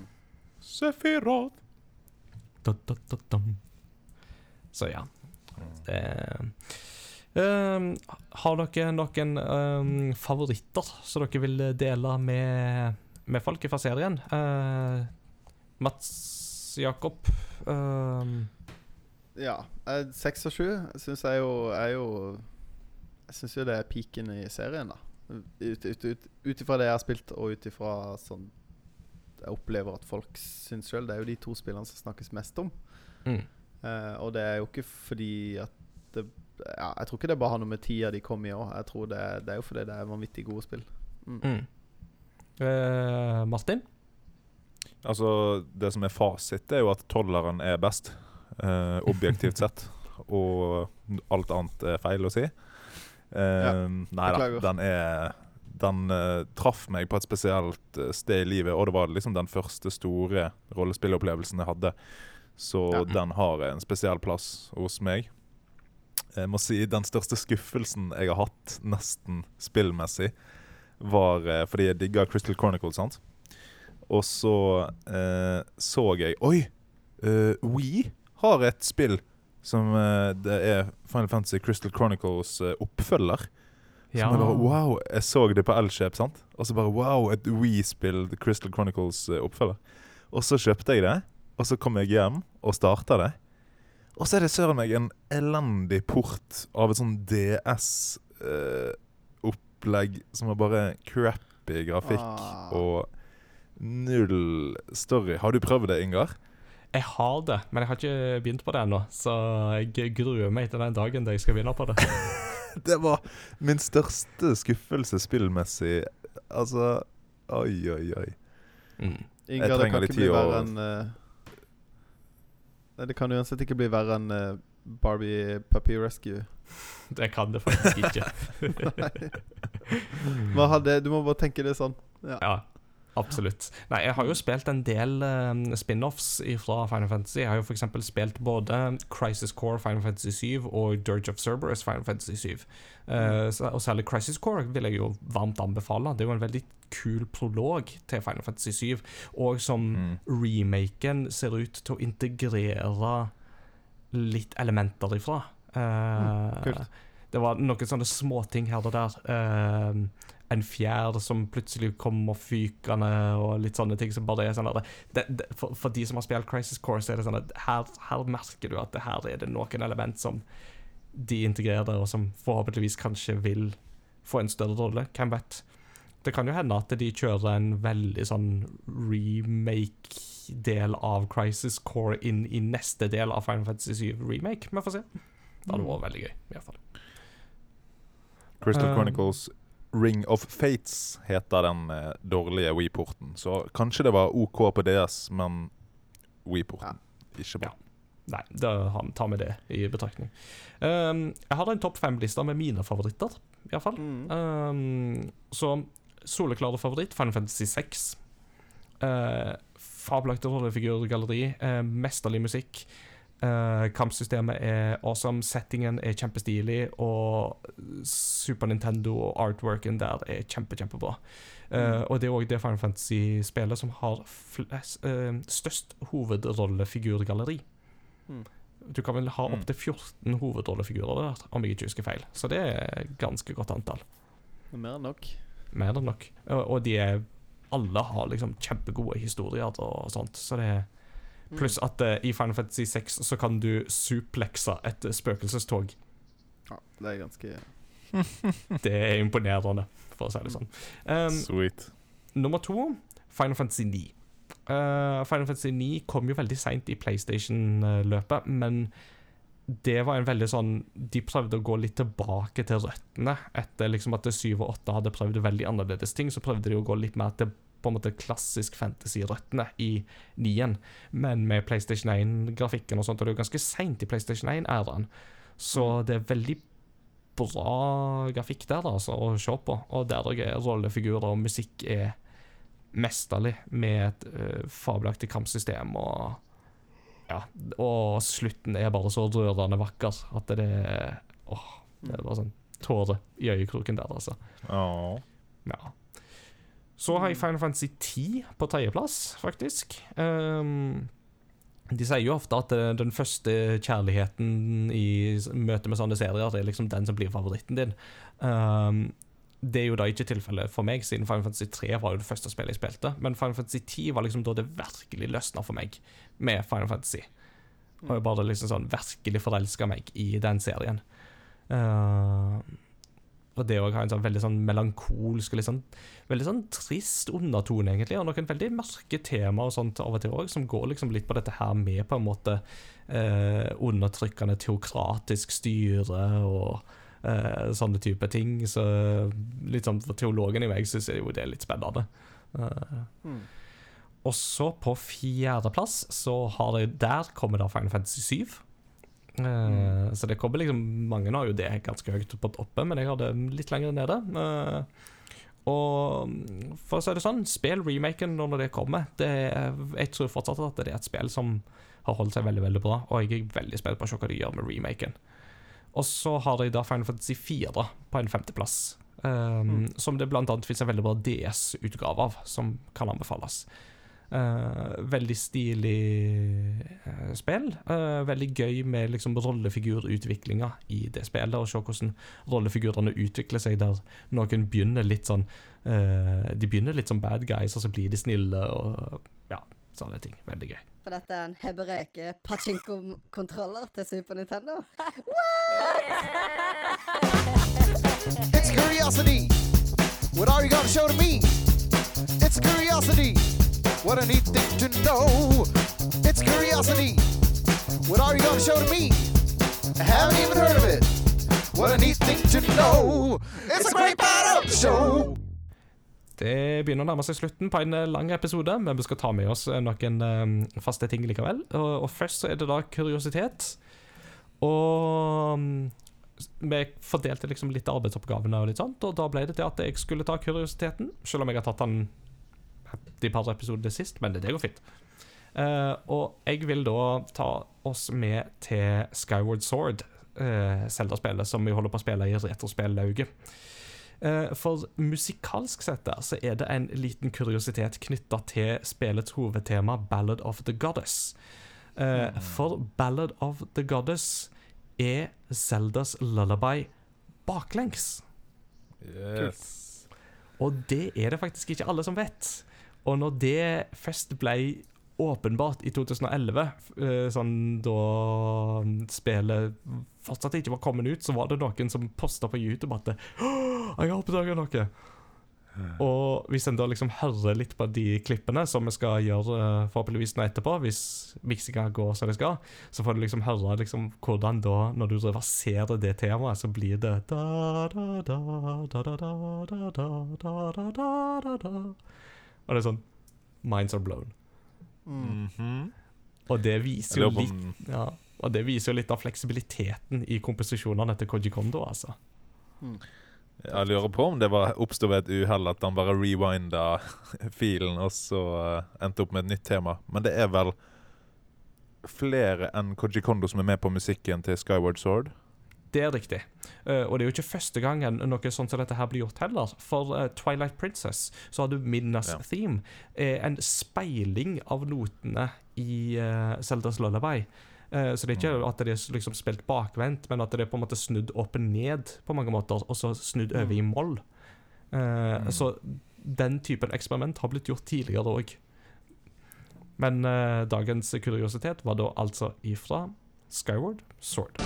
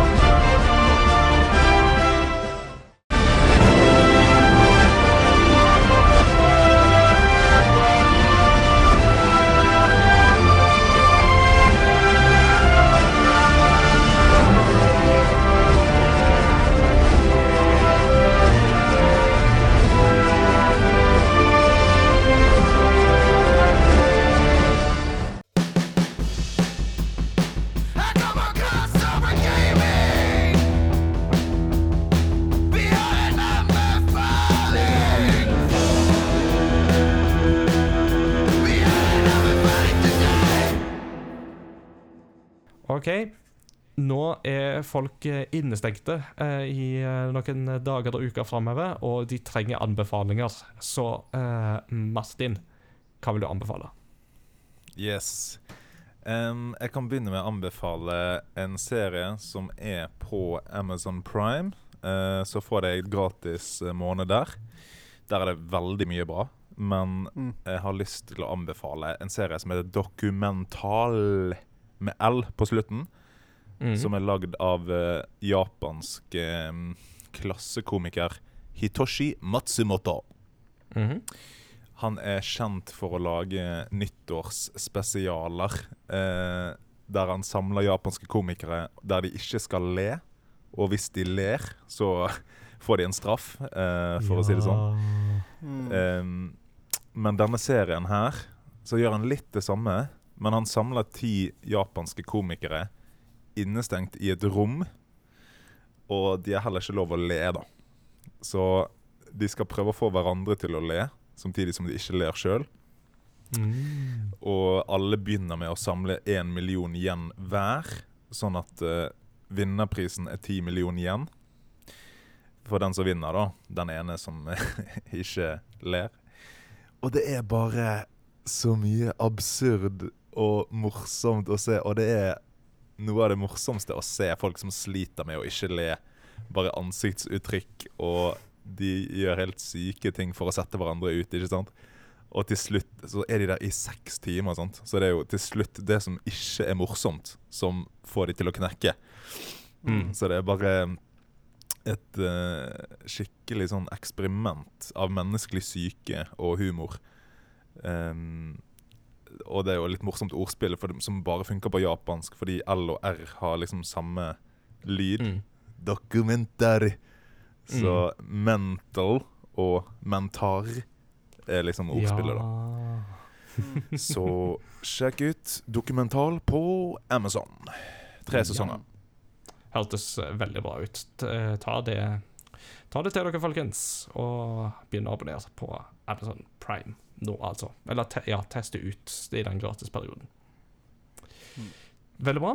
Da eh, har vi kommet til veis ende, og det er på tide med et eh, aldri så lite postludium. Mats Jakob, hva har du valgt for oss i dag? Jeg er jo også i Scoured Sword-verden, eh, og satt på jobb og eh, planla hjemmeundervisning for elever i to uker, og hørte på da selger musikk. Og så eh, kom jeg over den låta her. Jeg er ikke kommet hit til spillet enda, men eh, det er Musikken heter Minecart Ride. Aha. Og det er fra et eh, st litt stykke ut i spillet, hvor du kjører på en sånn minecart. Og det som er kult med den musikken her, er at den eh, eh, Den har ikke bare temposkifter, sånn at å, den går litt fort her etter hvert. Men den går liksom raskt opp og ned hele tida. Og driver og strekker og tøyer og drar i, i liksom timen i, mus i musikken, da. Ja. Eh, så det er, veldig, det er veldig interessant å høre på. Veldig spesiell musikk, men som eh, virkemidlet Eller det virkemidlet får til, er jo at du opplever at dette er en litt sånn ustabil, eh, usikker situasjon du er i, da. Med å kjøre i en sånn eh, minecart, eller en sånn uh, minegruvevogn. Ja. Eh, Mm. Så det syns jeg er veldig kult stykke musikk. Veldig kult komponert. Gleder meg til å høre. Jeg jeg må Kult. innrømme at det, det er jo så lenge siden jeg har spilt Skyward Sword sist, at musikken der er en del ting jeg ikke husker Mm. fra. Så det er veldig gøy å gjenoppdage nå når vi spiller det igjen, da. Så Ja, jeg gleder meg til å høre. Veldig bra musikk i det spillet. Nice. Mhm. Mhm. Ja, da er vi ved veis ende. Eh, Det gjenstår egentlig bare å takke for eh, oppmøtet i dag. Martin, veldig kjekt at du var med oss nå fram eh, mot sommeren. Vi ser veldig fram til å ha deg med. Takk for god mottagelse som vikar. Som klasse så kan man jo være litt rampete mot vikaren, men jeg syns dere har vært snille mot meg. Jeg ser fram til neste gang. Ja, Mm. det, dette blir veldig bra framover. Eh, folkens, hvis dere ikke har eh, gjort det allerede, så lik Facebook-sida vår og Instagram-kontoen, og eh, ikke minst bli med oss på Discord-serveren. Tips dine venner og kjente om det samme. Eh, kan jo tipse dem om at eh, der er det alltids mulig å finne seg noen å spille sammen med i disse dager. Mm. Så det kan jo være nyttig å ha noen lekekamerater som man ikke trenger å omgås eh, fysisk. Eh, Ta godt vare på hverandre i denne tida her. Vær eh, gode og snille med hverandre. Ikke bryt uh, heimekarantene. Hvis du har det, hold deg hjemme, så Mm. går dette over ganske raskt. Vi håper virkelig at dere blir med oss framover, og at vi snakkes ved neste korsvei. Ha det bra! Hei, hei. Ha det bra.